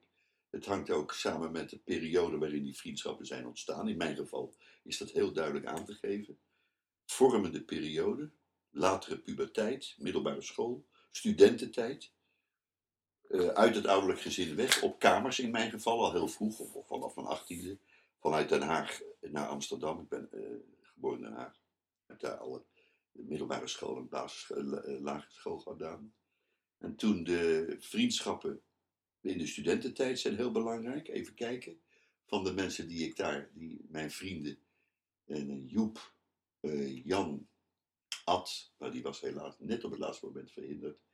En eh, Joep, Jan, Hans, Hans Wellink en Frans zijn van de middelbare school. En een, één, twee mensen zijn later. Dus vijf van de zeven zijn uit die vormende periode afkomstig. En een paar, omdat één was de echtgenoot, is de echtgenoot van een vriendin van mijn vrouw. Dat klikte. Daar zijn we heel veel mee op vakantie gegaan met die jonge kinderen. Dat is Tom. En Joop is nog een slagje later, die we op een camping hebben ontmoet. In 1989. En dat is uitgegroeid tot een hele grote vriendschap. Een hele goede vriendschap. Dus eigenlijk vijf van de zeven zijn, stammen uit de middelbare schooltijd, vroege middelbare schooltijd en de studententijd. Ja. Dat zijn hele vormende perioden als jongens, jonge mannen onder elkaar. Onderneem je dingen, je, je gaat samen eten, je hebt je eerste liefdes, je eerste eh, seksuele avonturen, of iets daarvoor misschien. Daar praat je over. Dat zijn ook hele belangrijke dingen. Eh, je gaat samen naar muziek, je muziekvoorkeur, de Beatles of the Stones, de jazz. Veel muziek. Muziek is heel belangrijk voor mij. Dus bepaalde mensen, daar deel ik heel nadrukkelijk. eh een van die mensen komen hier eens in de maand of ik ga naar hen toe. En eigenlijk nog een ander ook, iets minder frequent. En dan draaien we muziek. Ja. Dat is eigenlijk nooit veranderd. Ja. Dus dat zijn, ja, dingen die je belangrijk vindt. Ik heb gevoetbald met een aantal mensen in een elftal, niet hoog niveau, maar gewoon samen sport beoefend. Dat is ook belangrijk. Maar vooral dus die vormende periode van het van jongen naar man worden. En later is er wel ruimte voor nieuwe vriendschappen. Die zijn ook heel intens. Ja. Maar de, de meest ja, intense zijn toch uit die middelbare school en die studentenperiode. Er is niet een rangorde in vriendschappen, maar wel intensiteit waarbij je je echt het meest vertrouwd voelt. Ja. Ja, dat duurt dus al, eh, ik ben nu 70, dat duurt in een aantal gevallen al meer dan 50 jaar. Ja. Dat is mooi en dat zegt ook iets over jou natuurlijk. Want eh, hoe jij die vriendschappen onderhoudt of hoe jullie dat samen doen. Nou, dat kreeg Ja. ik dus terug, Ja. dat mensen dat heel belangrijk vinden. Dat ik een soort, ja, spil wil ik niet zeggen, want dat krijgt iets van leiderschap, maar een soort figuur ben die die, die vriendschappen zo belangrijk vindt, dat hij ook dit soort dingen kan organiseren. Ja. Want we gaan met z'n allen naar Schiermonnikoog. De eerste keer dat ik het doe hoor. Ja. Mogelijk ook de laatste keer. Dat weet je niet. Maar eh, ik ben er zo geïnspireerd dat ik nu denk, dat zou ik, als ik 80 hoop te worden, of 75, misschien nog wel een keer doen. Ja, ja want, want wat, wat brengt zo'n weekendje? Wat, wat, wat, is, wat is dan die zegt dat zou ik Nou, over vijf jaar nog wel willen? Voor die hele groep die, waarvan sommigen elkaar minder goed kennen, want het Ja. zijn, eh, ja, inderdaad, wat, wat doen mannen van 70? Ja. De eerste liefdesverhalen. Ja, Niet, niet zozeer heel specifiek seksueel, maar dat, dat, dat ook wel. Ja. Niet heel diep, maar meer, nou ja, god, zoals je dat Ja. met elkaar kunt bespreken. Eh, ook de, de twee linkerhanden die je had als potentiële minnaar. Ja. Dat je niet weet wat je moet doen. Terwijl die, die meiden een stuk verder waren. Ja. Dat je eigenlijk het initiatief wil nemen, want dat hoorde zeker in die tijd bij het man zijn. Maar dat je je echt liet overdonderen door wat zo'n jonge vrouw eigenlijk al wilde. Of waar ze al aan toe bleek te zijn. En eh, dat zijn ook hele leuke dingen om te horen. Dat je echt als een groentje je gedroeg, terwijl je alle kans kreeg. ja, ja. Maar het, het, niet, het niet wist hoe het moest. Nee. Eh, daar hebben we het over gehad. We hebben het gehad over eh, ja, de, de moeilijkheden met de studie misschien ook wel. De, de, het alleen zijn, niet meer in het ouderlijk gezin. Ja, dat soort zaken. Maar de eerste liefdes waren heel belangrijk. Ook heel openhartig. Ja. Is, een, is een belangrijk thema. Ja. Want eh, zeg maar, je hebt allemaal een partner. Ze hebben, we hebben allemaal een, een vrouwelijke partner. Hm. Had ook een mannelijke partner kunnen zijn, Ja. bij wijze van spreken. Maar hoeveel, hoeveel vriendinnen had jij voordat je... En ook wel hier en daar wat openhartigs... eh, ben je wel eens verliefd geweest op een ander? Ja. Nadat je je partner had. Nou, dan komen heel openhartige gesprekken. Verliefd zijn is één. Daar de volledige consequenties aan verbinden is iets anders. Absoluut. Hè, je Ja. kunt, eh, eh, nou, ik zeg, wil niet zeggen dat je liegt, maar je, je kunt in een mannengezelschap best zeggen: Oh ja, ik ben een paar keer heel verliefd geweest. Ja. Op een ander. Ja. Heb je dat verteld? Dat moet je misschien niet uitzenden. Ja. Nou, he- heb je Ja. dat verteld? Nee. Of Ja, ja, dat heb ik wel eens verteld. Hoe viel dat? Ja. Nou, Ja. Viel niet best. Of, oh, van ja, maar ik ben ook wel eens verliefd op een man Ja. geweest. En dan is Ja. de discussie meteen wel heel ruim. Ja. Maar als, de, als dat onbespreekbaar is, dan ben je niet eerlijk Nee. als man. Nee, maar dat ben je misschien om de relatie Ja. niet te ja, be- bemoeilijken. Want ja, hoe open is je partner? Is verliefdheid verboden vanaf het moment dat je een partnerschap bent aangegaan? Ja, daar kun je verschillend over denken. Nou, dat is heel mooi. Want dat, eh, ik vind het mooi dat hè, gewoon de diepgang wat je beschrijft van de onderwerpen waar jullie het over hebben. eh, die gaan verder dan, eh, dan dat komt misschien ook omdat jullie zo'n lange vriendschap hebben en dat het zo lang al werkt. Maar dat gaat veel verder dan de gesprekken die de meeste mannen met elkaar hebben. Want dat blijft dan toch vaak op een bepaald niveau Ja, hangen. Ja. En als jij eh, het hierover kunt hebben en ook je eigen kwetsbaarheid en je onhandigheid, zoals je het vertelt, ja, kunt delen, dan geef je ruimte dat de ander dat ook doet. En eh, dat is juist iets wat mist, eh, merk ik. En dan merken ook de mannen die bij, me, bij mij in de training komen. Die zeggen dan, oh, ik kan voor het eerst kan ik het hebben over de dingen waar het echt over gaat. Dan denk ik van, wat jammer dat je dat niet kunt met je eigen vrienden, zoals jij dat zegt. Ja, maar mijn vrienden, ook als het gaat om dingen in de opvoeding. Ja, ik durf niet te zeggen van waar ik niet zo handig in ben, want dan zien ze me misschien als een slechte vader of zo. ja, ja. Dus dat Ja, vraagt, ja, dat vraagt als... Nee, wij waren heel openhartig met elkaar. Ja. Het ver- ik heb dat ook wel een beetje ja, ge- gearrangeerd. De eerste avond, cadeautjes gekregen, toegesproken. Mensen vonden het geweldig dat ik dit deed. Toen, eh, die eerste avond brak het al helemaal open. Ja. En, eh, want mensen kenden elkaar wel, omdat ze op mijn verjaardag, maar niet zo goed, sommigen. Ja. Dus eh, ik zei, vertel eens wat. wanneer heb je je eerste vriendin ontmoet? Heb je op dansles gezeten? En we hebben een rondje dansles gedaan. Om, om te zien hoe je daar met twee linkerhanden trappend op het, op het voetje van, van dat leuke meisje. dat je je achteraf denkt van, ik heb alleen maar op de voeten staan dansen. Ja, In plaats van op de vloer. ja precies. Dat Ah, soort- geweldig. Ja. dat, dat soort dingen kwam ook naar boven. Ja. En dat op een gegeven ogenblik eh, ja, die meiden vaak verder waren. Ondanks die kuisere tijd toen, of Ja. is kuiser of Ja. preutsere tijd toen dan nu, maar dat die meiden soms echt wel de leiding namen. Ook in liefdes, eh, op het gebied van hoe ver je mocht gaan. Ja. Dat ze je eigenlijk een beetje gek vonden als je dat niet deed. Ja. Terwijl je met een heel ander beeld over de meisjes Ja. rondliep, ook in de opvoeding. Dat zie je toch eigenlijk wel. Kom maar, weet je. Ja, ja, ja. Dat zijn hele mooie dingen. Ja, maar dat is Daar mooi als je dat kunt kun je delen. op een, niet op een oude grijzaard, vieze oude man manier over praten. Dat was niet de sfeer die wij ervoeren. Nee. We zaten niet zo van terug te verlangen aan allerlei vieze verhalen te Nee. vertellen. Nee. Het was juist heel romantisch en Ja. ook wel erotisch hier en Ja. daar. Maar nooit vervelend. Nee, Geil, zal ik maar nee, zeggen. nee, ik snap, ik even snap dat wat je bedoelt. Dat was het totaal geen één keer. Nee, dat, maar dat, hoeft ook niet. nee, maar het is wel mooi wat je zegt, want dat zou, zou mensen gewoon eh, hè, van. Als je zit te luisteren nu en je denkt van hé, hey, ik zou ook wel die verdieping willen maken in, in, in mijn vriendschap, dan is het dus heel erg de, de insteek waarmee je een gesprek of een avond ingaat. Ja. En als jij zegt, nou vertel gewoon eens wat over je dansles of over je eerste liefde, dan voorkom je dat het, eh, dat het eh, gaat over dingen waar je het altijd over hebt, of, Ja. of die nergens over gaan. Of, eh, hè, dus dat is heel mooi. Ja. Maar dat vraagt wel dat je jezelf denk, even, even laat zien daarin of zo. Dus Ja, je- ik, ik liet me zien. Ja, Ik begon dat en ik vertelde meteen zelf iets. ja, Ik zei niet van, eh, zeg, vertel jij eens... eh, nee. Nee, ik, begon dat zelf te vertellen. En dat maakte. Want die drempel die was er al niet meer daardoor. Nee. Niet iedereen stapte even makkelijk over die drempel. Nee. Er waren wel verschillen. Ja. Er is ook één persoon geweest, dat doet er niet toe. Die daar. Die zat te luisteren en te glimlachen, maar vertelde niks. Er is ook. Ja. Ja, je zag dan, dat moet ik niet vragen. Laat maar. En dat is dan ook oké. En dat is oké. Ja, dat is mooi. Je zegt Ja. niet van, en nou moet jij ook. Nee, Waarom zeg jij niks? Ja, ik bedoel, dat is een totaal verkeerde benadering Ja. natuurlijk. Ja. Dat zou je misschien wel in een therapeutische sessie ja, maar Als je mensen moet verbeteren om mensen ergens uit te halen, dan zeg je van ja, jij hebt nog niks gezegd. Eh, iedereen kijkt dan naar zo'n man.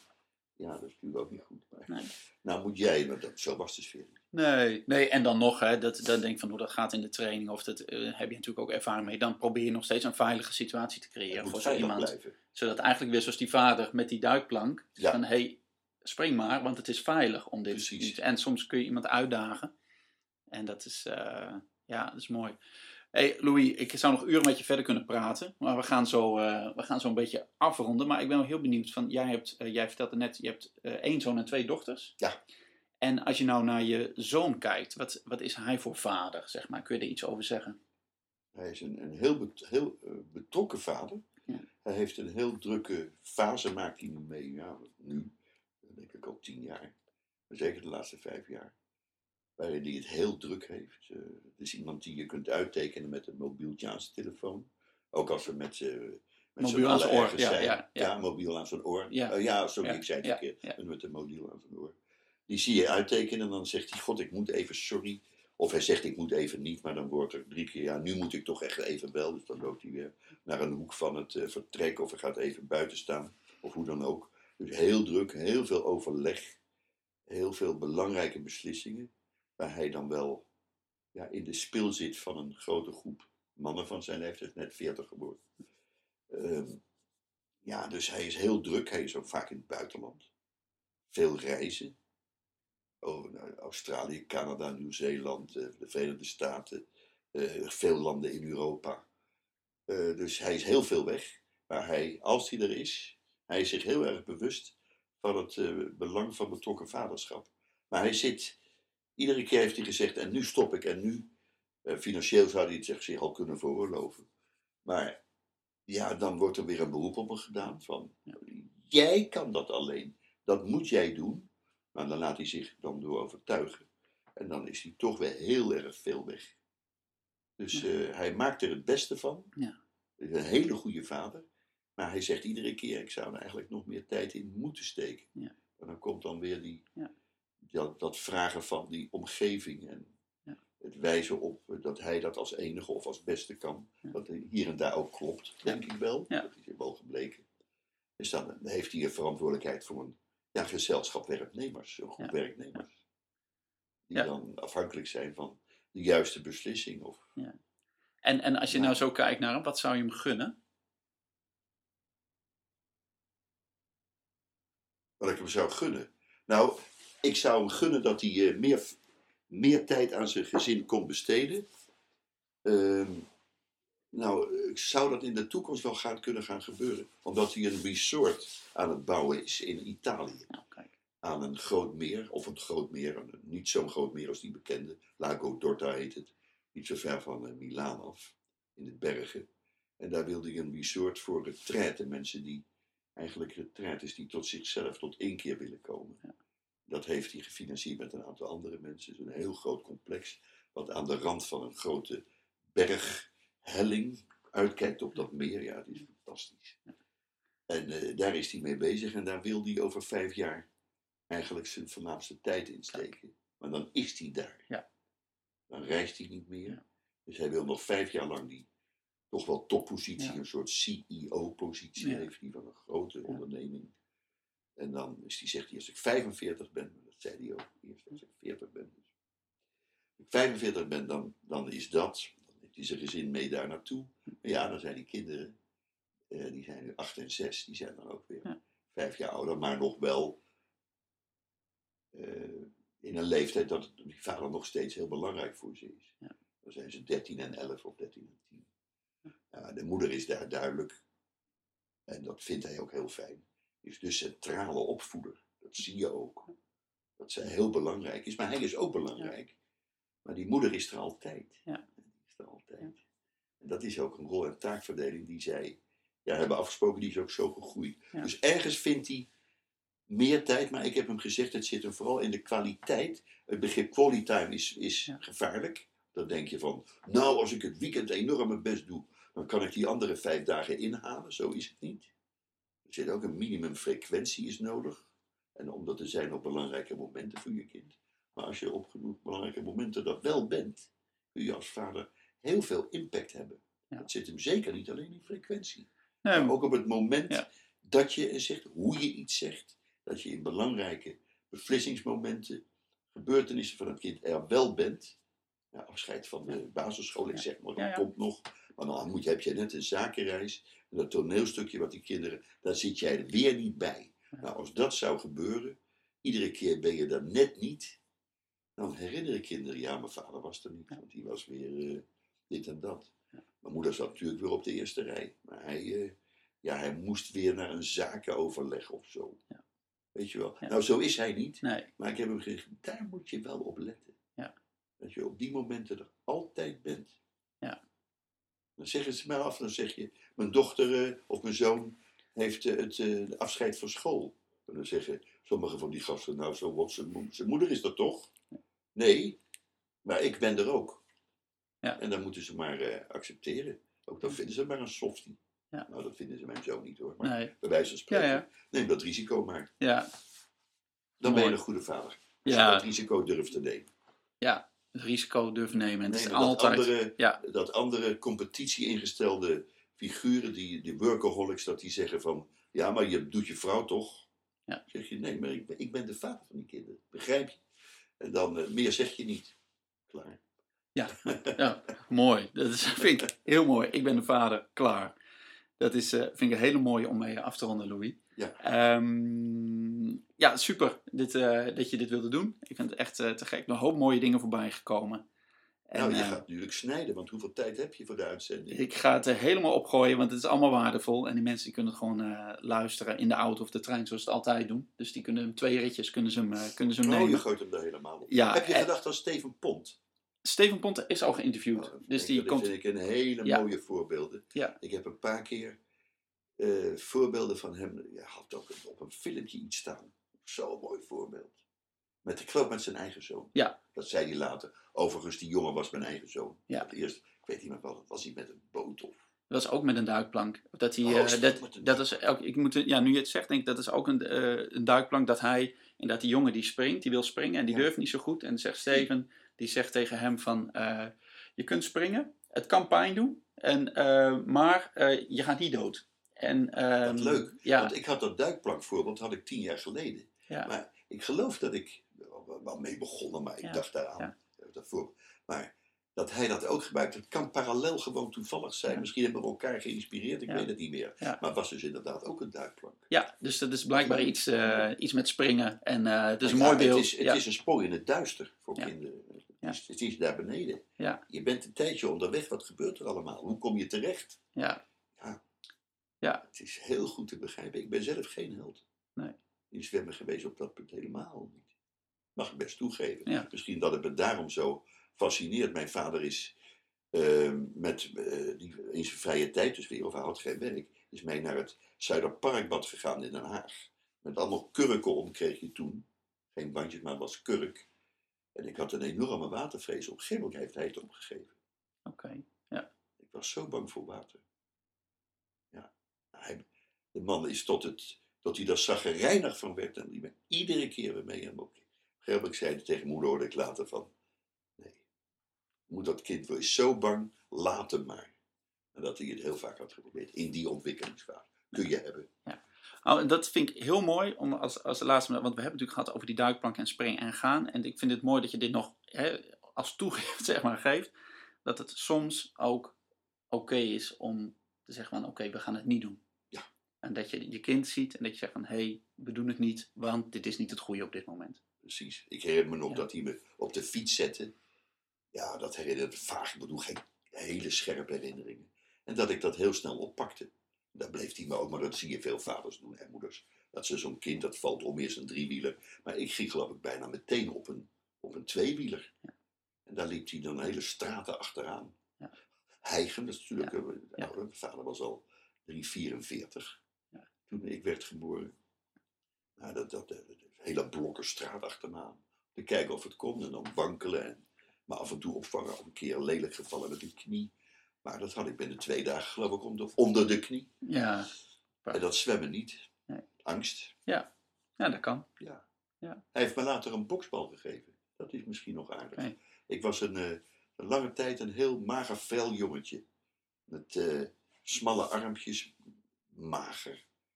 Eh, durfde ook niet te vechten. Toen heeft hij een boksbal opgehangen op de zolder. En hij zegt, iedere dag moet je een paar keer, hij heeft het voorgedaan, een zandzak, loodzwaar. Ik had een, hij korte handschoenen. En dat heb ik een hele tijd gedaan. Dat heeft me zo enorm geholpen. Niet dat hij een bokser van me wilde maken. Maar hij wilde me fysiek zelfvertrouwen geven.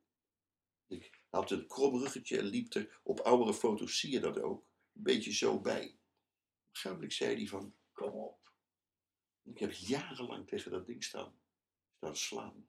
Niet iedere dag, maar vader kwam, hij had een rekstok in de gang opgehangen, waar ik me aan kon optrekken, en salto's maken. Heel hoog, moeilijk. Dat soort dingen deed hij ook. Ja. En dat die, en die- stimuleerde die. ja, En hij vroeg van, eh, heb je nog, eh, ga maar even naar boven, dan eten we wel wat later. Of na het eten, Eh, een jongen van 12, 13, 14. Naar boven, mooi, deed hij ook, ja. Mooi. En dat heeft je geholpen, die, die Heeft boksbal. mij geholpen. Ja. Ik had fysiek, eh, ja, ik werd sterker. En ik meet, dat is op zich een slechte eigenschap, gevechten op de lagere school met andere jongens, baasjes. Ja. Die meet ik. Ik liep me heel lang, ik ben niet gepest, Maar eh, ik, ik liet eh, heel veel toe, weet je wel, van als je dan toch wel eens een opmerking kreeg, dan liet ik dat maar. Maar op het laatst al had ik net voldoende kracht dat ik een keer met een jongen waarvan niemand won, en die iedereen een beetje de baas was, die heb ik gevochten en ik steeg enorm in de Ja. waardering. Ja. Ik kon goed leren. Ja. Dat was het beste of op één na beste van die klasjes in die school. Eh, dat heb je dan ook. Dus eh, daar keek men ook wel een beetje van. Dat wordt niet direct met vechten geassocieerd of met fysiek overwicht. Ja. Ik had wel respect en goede vriendschappen.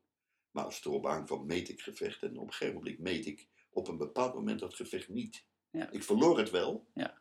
Maar zelfs die jongen had waardering voor Ja. me. Hij stopte met... eh Ja, En denk ik, goed, die vent kan ook vechten. Ja. Hoe belangrijk is dat? Nou, dat was toen heel belangrijk voor mij. nou, dat, Dat je in zo'n situatie... Ja, oké. Dus, en dat is mooi. Van, eh, dus dat is ook iedereen, denk ik, dat is mooi. Denk ik, Eh, ik zie dat op alle zolders, dat, dat hè, als je nu luistert, dan hang een boksbal op voor jezelf, voor je kind. En ga er gewoon even lekker. Ja, tegenaan. afhankelijk als het een stevig kereltje is. Je kunt Ja. voor een meisje iets anders bedenken. Ja. Als het een stevig kereltje is, dan hoeft dat niet. Maar als je denkt van god, die kan best wat fysiek zelfvertrouwen. Want het scherpt je zelfvertrouwen. Bij mannen is fysieke kracht toch ook, meer dan bij vrouwen denk ik, een onderdeel van hun gevoel van zelfvertrouwen. Want ik laat me niet zo makkelijk wegduwen. Misschien is dat jammer dat we dat nodig hebben als man. Dat zit voor een deel ook in je genen, dat zit ook in je hersenactiviteit. Dat is nou eenmaal zo. Ja. Testosteron speelt daar uiteraard ook een rol in. Zeker als je wat jonger bent nog, puberteit. Dat is belangrijk als jij iemand bent die zo door iedereen opzij wordt geduwd, letterlijk en figuurlijk. Ook omdat je een beetje, Ja. en, en je kunt dat snel verbeteren door fysiek andere uitstraling te krijgen en meer zelfvertrouwen. Dan is dat niet slecht, maar Ja. je moet niet de boodschap eh, uitzenden van iedereen moet een bokbal hebben om anderen in elkaar te kunnen slaan. Nee, Dat iets- zal ik ook nooit Eh, zeggen. dat is nee, iets nee. anders. Ja, ja. Maar het is wel, mijn, mijn zoon zit nog op kickboksen. Ja. Heeft hij heel lang op gezeten. En een heleboel mensen reageren erop van agressief. Nee, om, om fysiek in vorm te blijven, maar ook zelfvertrouwen. Dat ding komt enorm snel op me af de hele Ja. tijd. Zo'n zo'n ding dat trilt. Ja. Moet iedere keer op tijd, timing, moet ik dat ding terug doen. Ja. Hij vecht niet met andere mensen, maar wel met het denkbeeldige. Met zo'n trillend ding met wat aan twee van die veren hangt. En daar is hij verschrikkelijk goed in.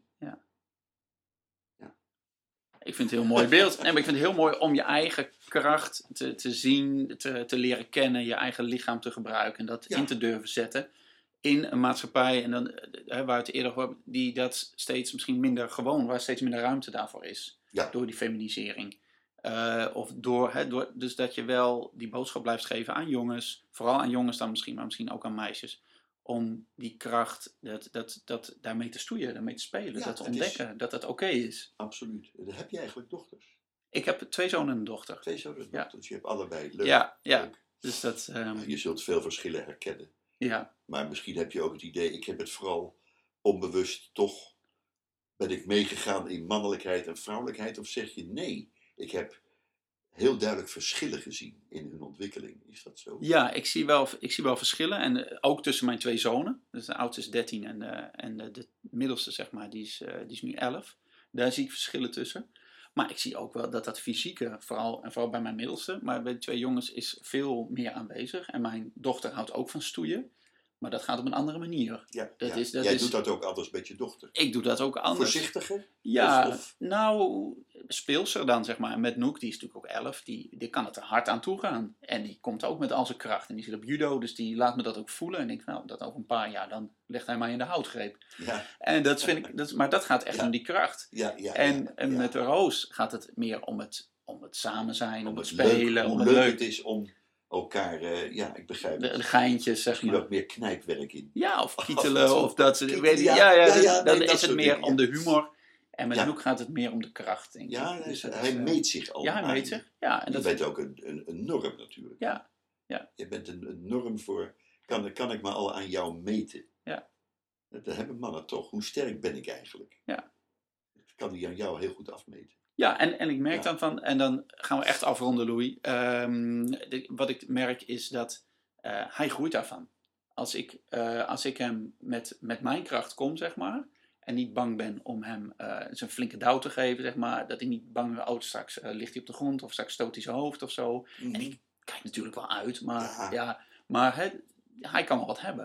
En Ja. dat is ook de boodschap die hij krijgt. Ja, maar je ook de boodschap van, als hij een keer heel hard slaat op een vervelende plek, je zegt, nou, dit, dit, dit kun je maar beter niet meer doen. Absoluut. Dat Dat, zeg je geef, ook ik- ja, geef ik aan. En dan is hij Ja. in zijn enthousiasme, Ja. of hij wil echt eh, kijken of hij kan, kan treffen, of hij je kan raken. En dan doet hij misschien iets wat je als gemeen of overdreven kunt beschouwen.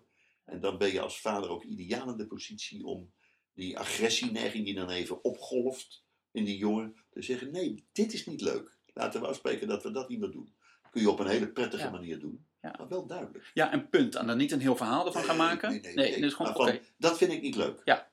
Of wat sommige vaders ook doen, kun je over twisten. Die geven één keer zo'n pens terug. Ja. Kijk, nou weet je hoe het voelt. Ja. Ah! Ja. Doe me niet meer. Af- af- afgesproken? Ja. Klaar. Ja. Zo kan het ook. Ja. Je kunt beter een verhaal vertellen. Sommige jongens hebben ook zo'n poort terug nodig om te begrijpen wat het betekent. Kan. En dan merk je dan vanzelf wat werkt bij de een of bij de ander. Ja. ja. Oké, Louis, we gaan ehm, ontzettend bedanken. Ik zei het net al. ehm, de artikelen die jij genoemd hebt van Suzanne Beugels en Martine Delfos, die zal ik eh, in de linkjes erbij zetten op de website. Dus Ja, kunnen een mensen... jongen is geen meisje vind je overal Ja. op het internet terug. Ja. Suzanne Beugels, de website moet je even opzoeken. Ja, zal ik, zal ik doen. En ehm, nou ja, hartstikke bedankt Louis. Graag gedaan. Graag gedaan. Fijn. En eh, voor de, eh, als je luistert, eh, zoals je weet, je kunt, eh, wat ik net al zei, de linkjes terugvinden op eh praktijkvader.nl podcast. En daar vind je ook alle andere afleveringen van de podcast terug, de eerdere afleveringen. En je kunt je ook abonneren, gratis, op de podcast via je telefoon of je laptop of je tablet. En dat kan via iTunes of als je een iPhone hebt, de app Podcast. Die kun je de Praktijkvader podcast vinden. En als je een Android telefoon hebt of een andere tablet, dan kun je bijvoorbeeld de app Stitcher downloaden. En als je die hebt gedownload, kun je zoeken op Praktijkvader. En dan krijg je alle podcasts automatisch binnen. Hoef je niks voor te doen. Worden gratis gedownload op je telefoon. Dus ehm, fijn dat je er was. Fijn dat je hebt geluisterd. En we zien elkaar bij de volgende podcast. Oké, groetjes. Doei.